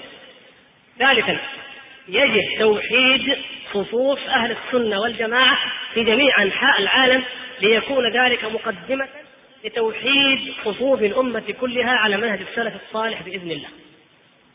وأول خطوة تكون توحيد أهل السنة والجماعة. المبدأ واحد والمنهج واحد والحمد لله. فلماذا يظلون مشتتين واليهود والنصارى والشرق والغرب كله يجتمع؟ يجب أن يلتقوا على مناهج عملية ودعوية واضحة لنشر هذه العقيدة. لا نقول لتغيير أنظمة الحكم كما يدجل الدجالون. لا نقول من أجل أن يرفعوا السلاح في وجوه الناس نحن نقول يجب أن يجتمعوا لنشر العقيدة الصحيحة والدعوة الصحيحة. ثم بعد ذلك إذا قامت الحجة من قاومها؟ فإن الله سبحانه وتعالى سوف ينصرنا عليه ومن رضي بها فهذا الذي نؤمله في أكثر هذه الأمة والحمد لله. الإجتماع أهل السنة والجماعة ضرورة لوجودهم هم بالدرجة الأولى قبل أن يكون موجها ضد أي أحد. آخر كما يفترض البعض وإنما هو ضرورة لإحياء السنة وحفظ كيانهم من الذوبان والضياع في ظل هذه الأوضاع الثقافية الجديدة. ومحاربة البدع والشركيات والضلالات والخرافات هي التي تمهد وتوطن الناس على الكفر بالدجال وخرافات الدجال. ما يؤمن بالدجال إلا الخرافيون الذين يؤمنون بالخرافات ويعتقدونها. فلا بد من إحياء هذه العقيدة الصحيحة ومنهج السلف الصالح من خلال تعاون وثيق بين أهل السنة والجماعة. وبالتالي يجب أن نتجنب إثارة الخلافات الإجتهادية أو تعميقها بين مجموعات أو بين علماء أهل السنة والجماعة. هذه اجتهادات تحل بطريق التفاهم وبطريق المودة والمحبة وفيما بينهم دون أن يعرضوها أو يكشفوها على جمهور الناس وإذا ابتدأ طرف من الأطراف مخدوعا أو مغفلا أو مسيرا بالهجوم على أهل السنة والجماعة فعليهم أن يسكتوا وأن يصبروا وأن يتحملوا وألا يردوا أبدا حتى لا يزيدوا في شأن الأمة. بهذا يصبروا وينتقلوا هم إلى المرحلة الأخرى وأولئك سوف يتناساهم الزمن بإذن الله وسوف تعلم الأمة ولو بعد حين أنهم كانوا يخدمون أغراضا لأعدائها وهم قد لا يشعر بعضهم.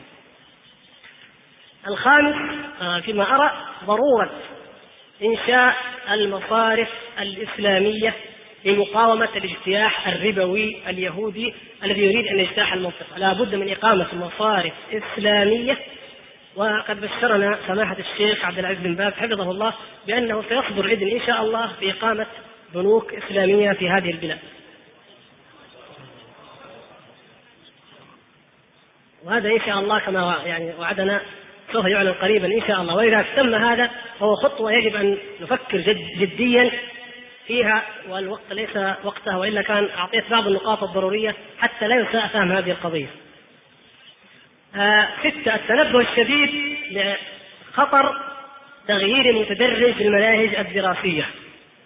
يعني يتنبه أكثر أكثر الدعاة يعملون في قطاع التدريس. يجب أن نتنبه تغيير المناهج. لا يستغل تغيير أنظمة التعليم وطرق التعليم في تغيير المناهج فتحدث بعلم أو بدون علم المقاطع المعينة التي تشير إلى اليهود.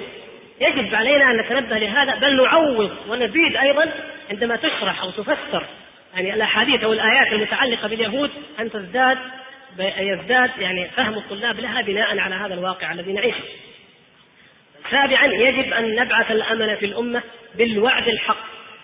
لا بد من من نؤمن بالوعد الحق الذي وعده الله تبارك وتعالى ونقرن ذلك بالأدلة الشرعية والواقعية حتى لا تيأس الأمة فنحن الأمة التي لا تعرف اليأس ابدا ابدا في أي مرحلة من مراحل تاريخها ونحن على ثقة بأن الله تعالى سينصرنا بإذنه تعالى مهما طال الزمن ولينصرن الله من ينصره. ثامنا تنشيط الدعوة في الغرب عامة وأمريكا خاصة ورفض تحركات وخطط المتآمرين هناك. وأنا أوجه هذا الكلام أولا لإخواننا المسلمين المقيمين في الغرب وثانيا لنا هنا. تتبعوا هذه الحركات جيدا. اولا تمسكوا بدينكم وثانيا ادعوا إليه الأمريكان وغيرهم. الأمريكان رغم ما ذكرنا يا إخوان مؤهل عدد منهم ملايين إلى أن يدخلوا في الإسلام نتيجة الضياع والفراغ مع الحرية الدينية المعطاة والمتاحة لهم. لو استطاع المسلمون أن يملكوا شبكات تلفزيونية يمكن أن يفعلوا ذلك بنفس الحجة التي يحتج بها أولئك. لاحظوا أن أمريكا تختلف عن بريطانيا تختلف عن فرنسا ونحن لا نزكيها بل هي والله إنها أعدى عدو نراه في هذه الأرض. لكن للحقيقة نقوم المجتمعات تقويما كما أمر الله إن الله يأمر بالعدل والإحسان. وإذا قلتم فاعدلوا. بريطانيا وفرنسا وغيرها تعادي المسلمين بما يسمى طرد الملونين آه، منع الهجرة حتى منعوا الحجاب منعوا طفلة. مسلمة أن تضع الحجاب على شعرها هذا لا يمكن في أمريكا في ظل هذا الدستور الحالي لا يمكن. لماذا؟ لأن دستور أمريكا أصلا يقوم على فصل الكنيسة عن الدولة ويقوم على أن الدين لا يمكن أن تدخل فيه الدولة أبدا.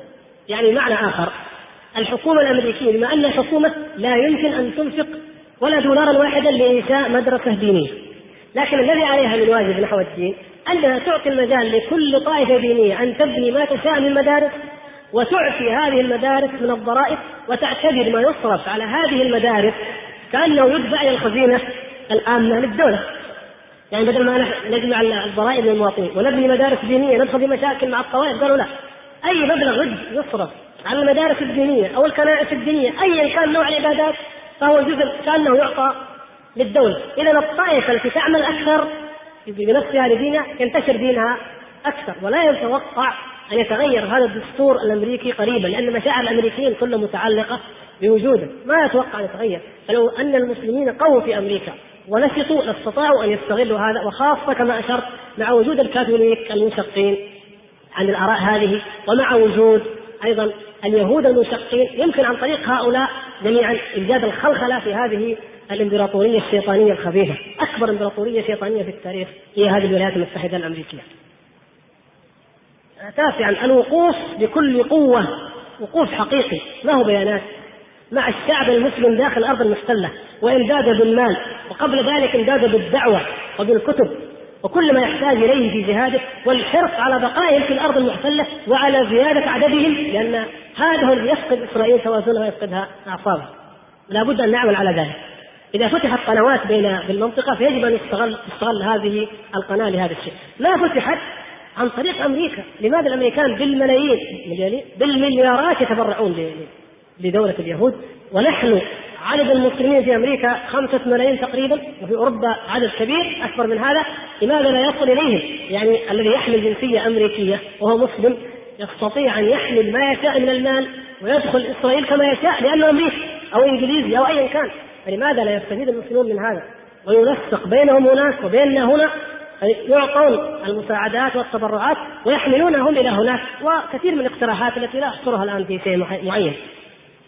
عاشرا المطالبة بسحب كل الأموال والأرصدة من بنوك هؤلاء الأعداء وصرفها على حاجات الأمة الضرورية في أنحاء العالم الإسلامي إذ كيف يعيش هؤلاء المجرمون أعداؤنا هؤلاء المؤمنون بالمسيح الدجال يعيشون على مليارات نضعها أرصدة عندهم بينما نحن هنا الملايين من المسلمين يموتون جوعا وفقرا وتشريدا وذلا. لا بد من المطالبة بهذا الشيء. وإلا أين السلام وأين حقوق الناس التي يزعمون؟ الحادي عشر يجب علينا يا إخوان محاربة الترف والإسراف الذي تعيشه هذه الأمة والفراغ. وحشد كل طاقات الأمة لمواجهة هذا العدو الأخطبوطي الحقود. وفروا من مرتباتكم من نفقاتكم اوصوا الامه بهذا أن توفر طاقاتها وأوقاتها وجهودها لانها امام عدو ضخم شرس قد يأتي يوم من الأيام فيسقطنا بالكلية. المعركة يا إخواني وحذروا هذه الأمة المعركة ليست معركة غالب ومغلوب. المعركة معركة موجود أو غير موجود. معركة وجود يراد أن تمحى هذه الأمة محوا كليا وتصبح عبد العبيد كما قالوا كنعان عبد العبيد نصف عبد العبيد عند اليهود والنصارى. لا يعود لنا وجود ابدا. الثاني عشر يجب علينا على الدعاة جميعا والخطباء وكل الأمة المطالبة بتطوير الجيوش وإعدادها دعويا وهذا أهم شيء وتربيتها على الإيمان والجهاد وأيضا علميا بحفز الطاقات المبدعة واكتشاف الأسلحة التي يمكن بها أن نقاوم هذا العدو وألا نركن إلى ما يسمى النظام الدولي الجديد والسلام الذي يريدون أن يفرضوه بحيث لا نحتاج معه إلى جيوش كما يزعمون. ويجب المشاركة أو المساهمة في تصنيع ما يمكن أن يصنع من السلاح. وعندنا التكنولوجيا اليابانية. والله لو كان عندنا إرادة. الآن اعلنوها الأمريكان اعلنوها لأن اليابانيين اضطروهم أن يعلنوها. قالوا إن التكنولوجيا التي حاربت في الخليج هي التكنولوجيا اليابانية. يعني الأمريكان يضعون مواصفات لاختراع معين. يرسلونه إلى أمريكا إلى اليابان تسابق الشركات لإنتاجه ينتجونه ويرسلونه لامريكا لو كان عندنا إرادة وصدق مع الله وجهاد يمكن أن نضع أي شيء وتنتجه لنا اليابان وغيرها ونتعلم نحن لكن أقول كمرحلة ممكن أن ينتج ما دام المال عندنا والإرادة موجودة. في هذا المال والله أقول إن شاء الله غير آخر لو عرفنا كيف نستغل الأموال الضخمة التي أعطانا الله إياها نحن دول الخليج وابتلانا بها ليرى ماذا نصنع؟ لو استطعنا وعرفنا أن نستغلها نستطيع أن نؤثر حتى في الانتخابات الأمريكية نفسها وقد نرشح الرئيس الذي نريد والذي يؤيد ما نريد بناء على المال. وكثير من رؤساء أمريكا يقول نجحت لأنني أعانني حتى بوش قال كذا وغيره أخطأت لأنني كنت لا أمتلك المال اللازم للدعاية. نحن أموالنا تعطى لمن يفوز. من يفوز؟ المال بين يديه. لماذا لا يكون لنا إسهام في تعيين من يفوز ولو إلى حد ما. هذا فضلا عما يجب علينا بعد ذلك وقبل من خطوات أخرى. وبناء عليه فأيضا يجب علينا أن نطالب بحفظ ثروات المنطقة. حفظ الثروات ثروات المنطقة. وفق خطط سليمة تراعي مستقبل الأجيال القادمة من أبناء المسلمين وأن المعركة قادمة وأن المعركة طويلة وتراعي حاجات الأمة ولا لا تراعي شركات التطفيف ودول المطففين. العالميين الذين يأخذون خيراتنا بأبخس الأثمان ويصدرونها لنا بأعلى الأثمان ويخزنونها في المستودعات عندهم كأهضا للمعركة القادمة. آه، أستغفر الله العظيم أولا وآخرا وأقول هذا هو كلام أو نصيحة أو تحذير النذير العريان لكم أيها الإخوة الكرام وأسأل الله تبارك وتعالى أن يجعل لهذا الكلام موضعا وقبولا وأن أكون قد وفقت لإعطائكم صورة ولو موجزة عن حقيقة عداء هؤلاء القوم وعما يجب أن نفعله نحوهم ونترك الوقت الباقي أو القليل منه في الحقيقة الإجابة على الأسئلة يضيق الوقت. كم؟ الآن كم؟ طيب نص ساعة فقط. أنا يمكن ما أدري من حظي ولا ما من حظي نجلس الساعة اليوم. نسيتها. طيب. إن شاء الله يقول الأخ ما هو دور فرقة البروتستانت النصرانية في دعم عقيده ارض الميعاد عند اليهود؟ ومن هم الانجيليين العسكريون ما هي معتقداتهم وأهدافهم؟ أكثر من سؤال عن هذا الموضوع يوجد لاننا قد أجبنا عليه وأما كلها البروتستانت والإنجيليين قد أجبنا ونعيد فقط القول بأن حركة مارتن لوثر الإصلاحية أعادت النصارى إلى الإيمان الحرفي بالكتاب المقدس ومن ثم اصبحوا يؤمنون بوعد التوراة وبنبوءات التوراة ولذلك نشأت الحركات الإنجيلية الصهيونية قبل الحركات اليهودية الصهيونية.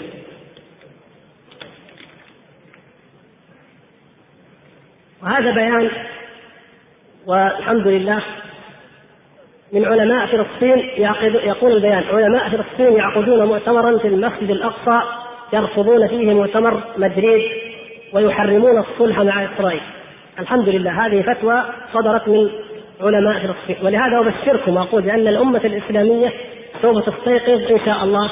فلا بد أن يقاوم الباطل بالحق ولا بد أن يتوحد علماء المسلمين في كل مكان تحت راية الحق. وهذا اقتراح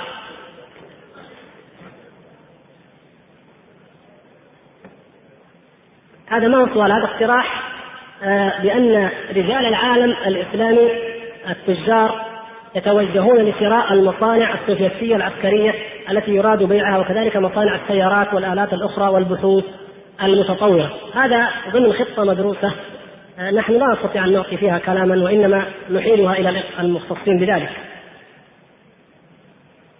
حبك الله هذا الأخ يقول آه، الموقف العقدي الذي ينبغي أن يكون عليه المسلم إزاء مؤتمر السلام كما يزعمون.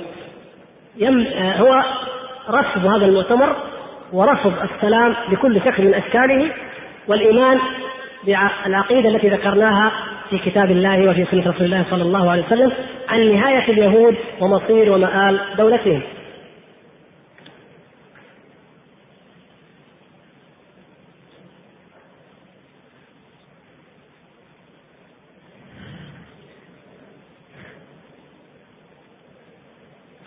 هذا الأخ يقول إنه بمراجعة الوقت الذي يحتاجه المسلم المثالي للنهوض بواجباته الدينية والدنيوية اليومية على النحو الأكمل يتضح.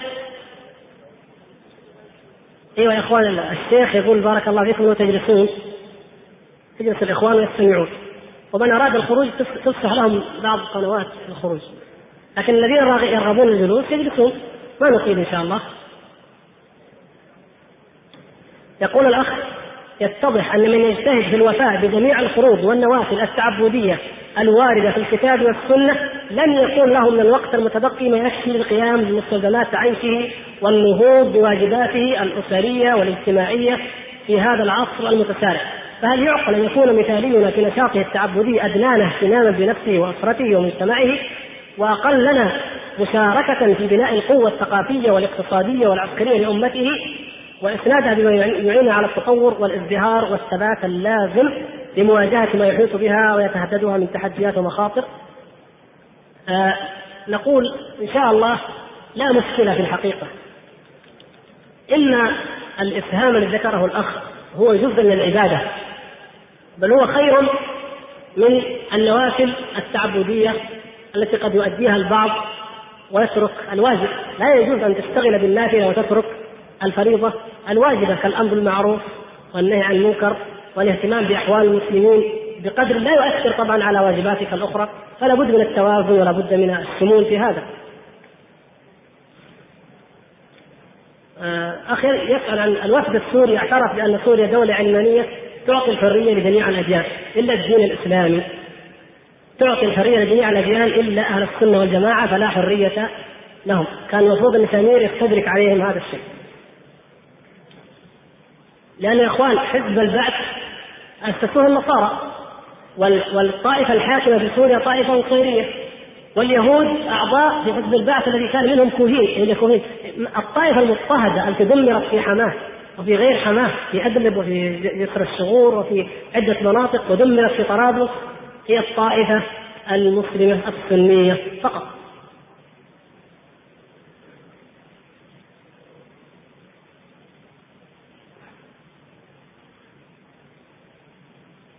لعلنا نهتم به كتاب إظهار الحق كتاب آه، جيد وجامع وشامل في موضوعاته وأنصح الإخوان بالاطلاع عليه لبيان عقيدة النصارى وبطلانها. آه، دين عيسى عليه السلام بينا أنه سيكون ماذا؟ الإسلام قطعا فالأخ الذي سأل عن دينه نقول له ذلك. يقول الأخ كلام طويل نقرأ كله. طيب مثل هذه الطويلة نأجلها إلى غد إن شاء الله أو أوقات أخرى. المؤتمر الشعبي الإسلامي العربي اللي عقد في الخرطوم ما سمعت عنه أنا ولا وصلني يعني إلا كلام ما وصلني شيء مؤكد عما دار فيه فلا أتكلم عما لا أعلم. لماذا لا توجد جبهة للجهاد ضد اليهود لتحرير بيت المقدس وثالث الحرمين من أي دولة كانت؟ ما يمكن. يعني قبل الصلح مع إسرائيل ما كان يسمح بهذا فكيف الآن؟ من أي بلدة من أي دولة تريد أن تنطلق لمحاربة اليهود؟ من أين؟ كل الدول أول ما تحارب الأصوليين المتطرفين قبل اليهود فمن أين تنطلق لمحاربتهم؟ هذا السؤال فلماذا نكون واقعيين ونبدأ بما قبل الجهاد؟ الجهاد يكفينا يا إخواننا الحمد لله الذين في الأرض المستلة أما في غيرها فلا بد من خطوات لا بد منها قبل الجهاد. هل أزمة الخليج هي بوابة عبور إلى مؤتمر السلام؟ مهدت له الدول الكبرى؟ قطعا مئة في المئة وصرح بهذا كل الزعماء وكل الصحفيين وكل التحليلات مجمعة على هذا. فلا خلاف في ذلك.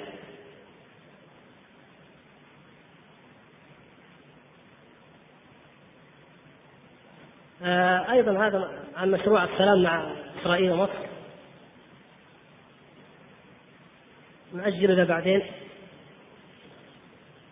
هذا الأخ يقول اليهود الذين استعبدوا البروتستانت والإنجيليين الأمريكان وجعلوهم خدما لدولة إسرائيل يعملون بكل جهدهم لدعمها وتقويتها زاعمين أنهم يقربون تحقيق نبوءات التوراة التي ملخصها أن قوة دولة اليهود ستساهم أكثر في تقريب المعركة الفاصلة في سهل هرمجدون في فلسطين بيسان حيث يأتي بعدها المسيح يحكم هو والمؤمنون بعده هو والمؤمنون به بعد ذلك ألف عام حسب خرافاتهم. وقد استغل اليهود هذه التوجهات التي يؤمن بها أكثر من أربعين مليون فيما أعرف يسمون التدبيريين. منهم سواغارت وجيم بيكر وبات روبرتسون وأورال روبرتس وجيري فلويل وكينيث كوبلاند وريتشارد دي هان وغيرهم كثير. وكل هؤلاء يملكون محطات إذاعات وتلفزيونات تبث للملايين وتدعو لدولة اليهود ودعمها أرجو منكم تسليط الضوء على هذا الدين الجديد آه يعني يمكن الأخ كتب هذا السؤال قبل المحاضرة أو في أولها. هي المحاضرة هذا موضوعها تقريبا. ونشكر الأخ و حقيقة أنني أعبر عن شعوري وفرحي بمثل هذه الورقة لأنها دليل على أن هذا الأخ قد قرأ هذا الكلام قبل أن يأتي إلى المحاضرة ونرجو أن يكون كثير ممن يعرف هذه القضية.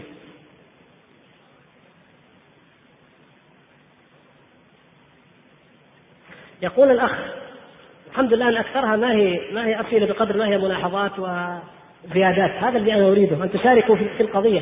يقول ما دام أن أغلب الأنظمة العربية لها علاقات مباشرة مع إسرائيل أو غير مباشرة حتى منظمة التحرير فقد اطلعت على كتب كثيرة تشير إلى أن العلاقات معها من حوالي عشرين سنة فأرى أنه يتحتم علينا تربية الأمة على الجهاد وإزالة أحفاد ابن سلول. ثم بعد ذلك مواجهة إسرائيل.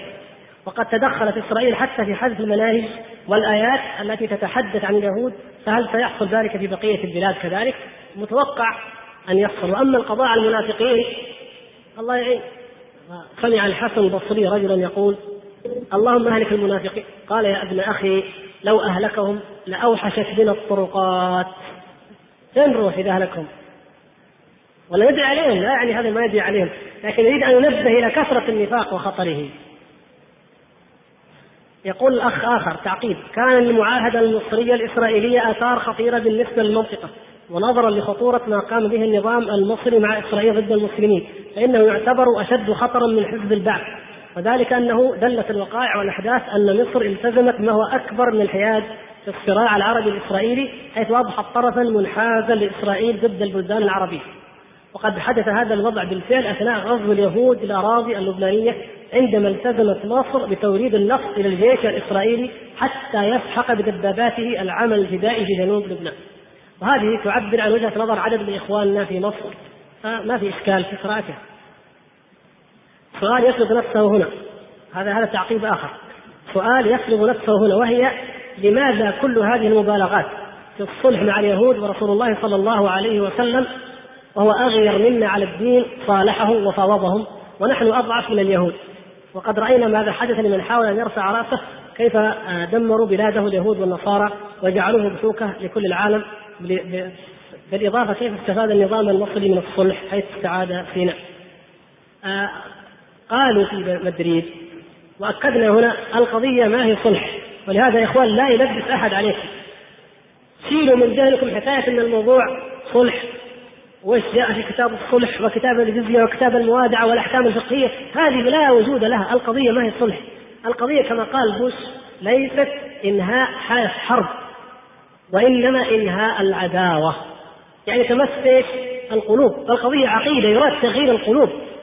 أما صلاح الدين أيضا لما حارب الصليبيين صالحهم فترة وحاربهم فترة هذا ما حد يخالف فيه. ولا موضع نقاش لو كنا في حالة حرب لو كنا في حالة جهاد مع اليهود. وصالحناهم هادناهم ما فيها نقاش. لكن الآن لا حرب ولا ولا جهاد أبدا وإنما إقرار بسلام دائم وحق أبدي لإسرائيل في الوجود. عرفت يا أخي الفرق؟ فرق مهم جدا. أرجو أن لا يقع فيه الإخوة في هذا اللبس هذه يعني وجهة نظر لأخ آه، يعتبر نفسه خارج يعني الدعوة. ويقول إنني أقدر وجهة نظر رجال الدين. طبعا نحن ما عندنا رجال دين لكن هذا تعبير الأخ. وفي الحقيقة نحن نرحب بأي وجهة نظر ما دامت في نطاق الشورى والبحث. ما في مانع. نبحثها ونبين للاخ فيقول نقدر وجهة نظر نظر رجال الدين لكني أشك بجدوى الحرب. لأنها في نظري لا تحل لا تحل مشكلة الصراع مع اليهود. ونتائج الحرب المدمرة على المنطقة وما خلفته من المآسي والنكبات وتردي الأوضاع الاقتصادية في العالم الثالث. يا أخي ما عاد في عالم ثالث. ما عاد في صار في عالم غربي وعالم إسلامي فقط. والعالم العربي على وجه الخصوص فإن الصلح والتعايش السلمي هو أفضل. يقول الأخ هذا أفضل. وذلك لحقن الدماء وأنصح الفلسطينيين على جهة الخصوص بالتخلي عن الكفاح. ما هو كفاح يا أخي؟ جهاد. والرضوخ حتى حين لانهم حتى حين لأنهم هم الضحايا. بين بينما قادتهم وزعمائهم لهم علاقات وطيدة مع إسرائيل والأبرياء أو قل المغفلون يقتلون. والأخ في كلامه قدر من الصحة. لكن نحن الآن لا نطالب بإعلان حرب حتى نخاف من آثار الحرب نطالب بتعبئة الأمة عقائديا لمواجهة خطر عقائدي وليس عسكري. إذا فرض السلام حتى إسرائيل في المنظور القريب لن تحاربنا عسكريا في المنظور القريب. وإلا الفرسان النووية لابد أن تستخدم. لكن الكلام الآن ليس حربا لا منا ولا منهم إنما ماذا يجره هذا السلام؟ فإذا الأخ تصور القضية غير ما أردنا. النقطة الثانية لا آه، نؤيدك على نصح الفلسطينيين بالسكوت ولو إلى حين. لأن القضية هي هل يوجد أو لا يوجد شعب فلسطيني؟ اليهود لا يقبلون منه إلا ذلك. الرضوخ والإقرار بهذه الدولة المحتلة يعني نهاية القضية بالكامل. وهذا على كل حال يحتاج إلى تفصيل ليس هذا مقامه أيضا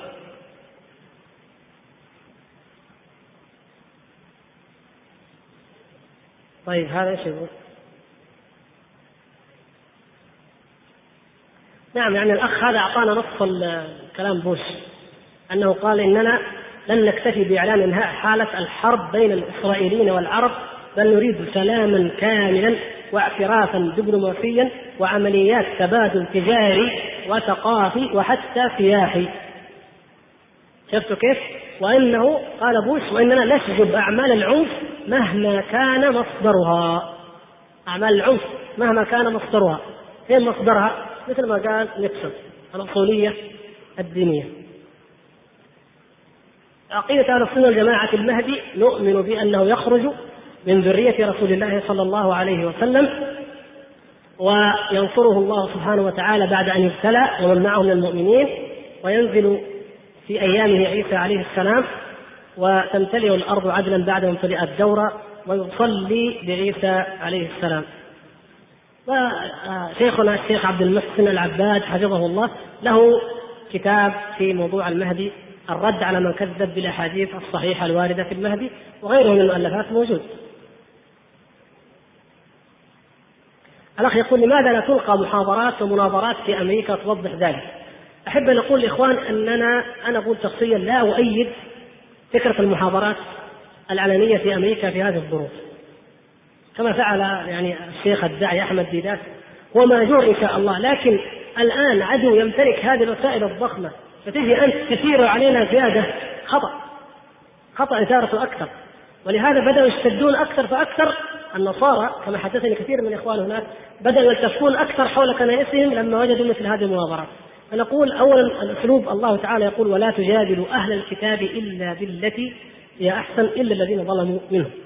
آه لها أسلوب علمي شرعي مجادلة أهل الكتاب لابد أن تستند إليه كما جادلهم شيخ الإسلام رحمه الله في الجواب الصحيح. مثلا والأمر الآخر أننا الآن لسنا في مرحلة مواجهة.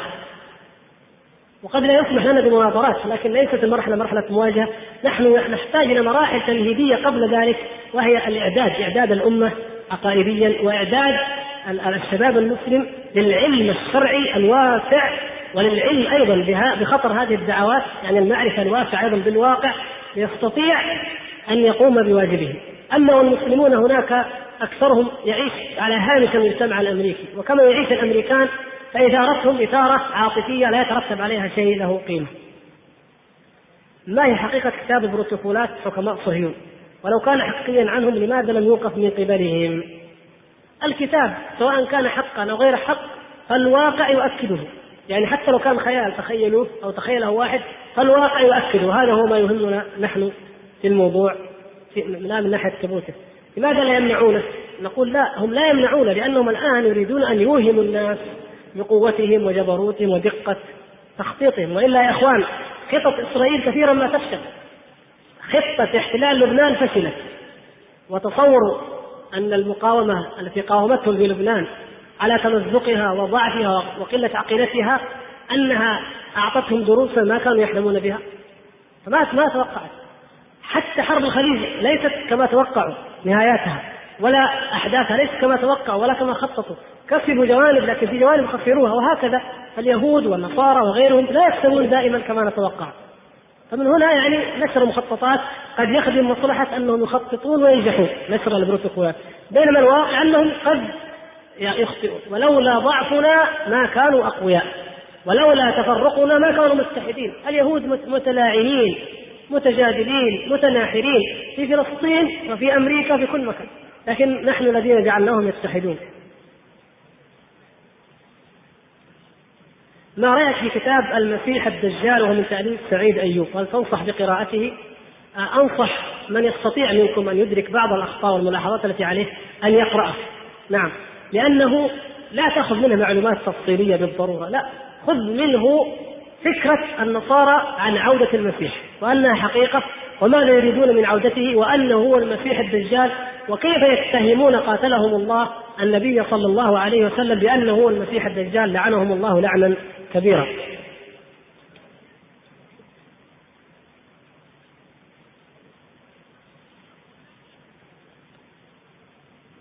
آه هذا تصريح جيد.